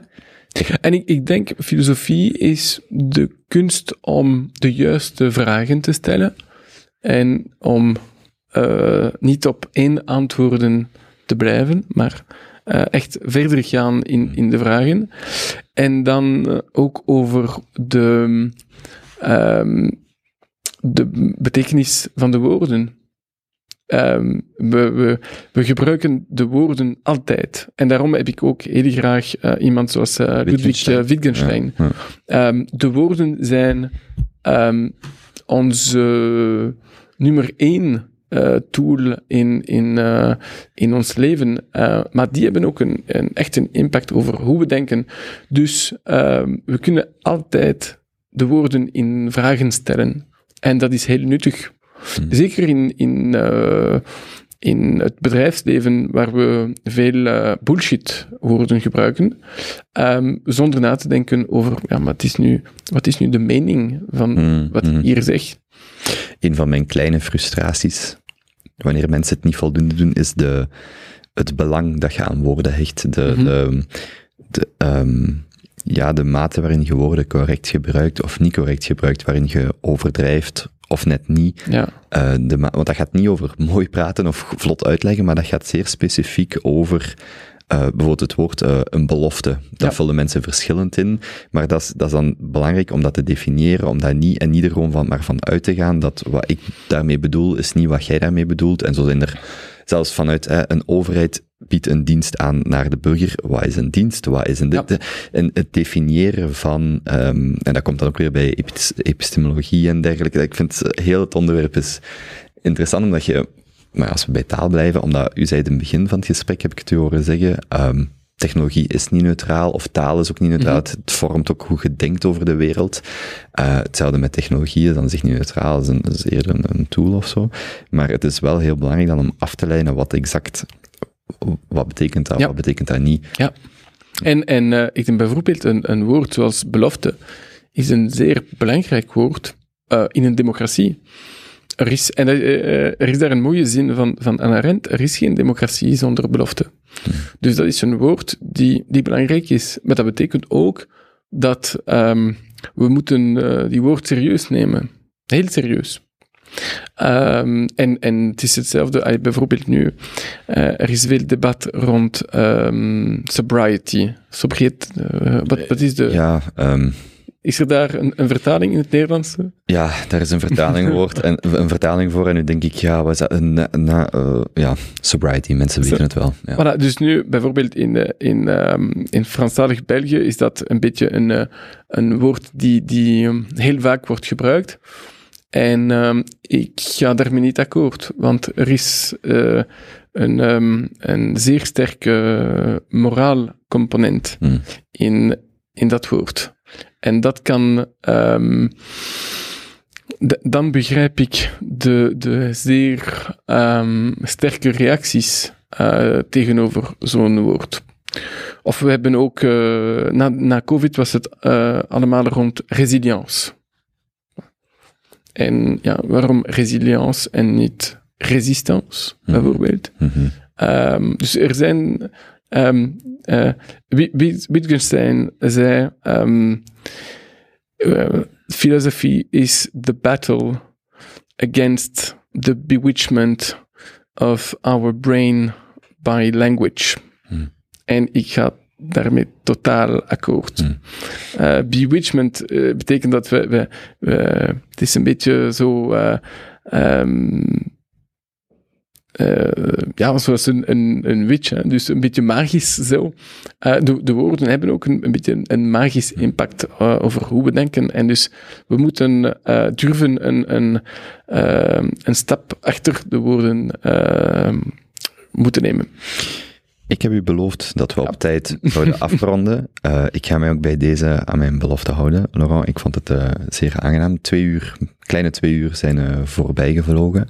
Maar eh, dank u om tot hier te komen. En ehm, ik ga ook eens eh, op de website van B-Central kijken welke opleidingen dat mij nog, nog interesseren. Het is ook altijd een goede reden om naar Brussel Centraal, naar Brussel te komen.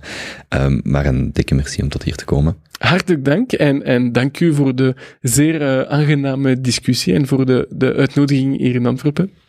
Mijn plezier. Dank u.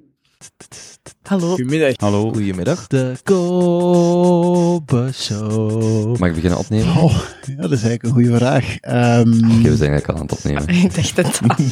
De Kobe Show. De Kobe Show. 1, 2, 3, 4. Zeg maar Herman. Dat ben ik. Maak fouten. Kijk om je heen. Kun jij deze eruit knippen? Blijf je verwonderen. Vind het talent in jezelf. Kobe Show. Woe. Oh ja, en luister naar de podcast van Kobe. Vandaag met uw gastheer Kobe.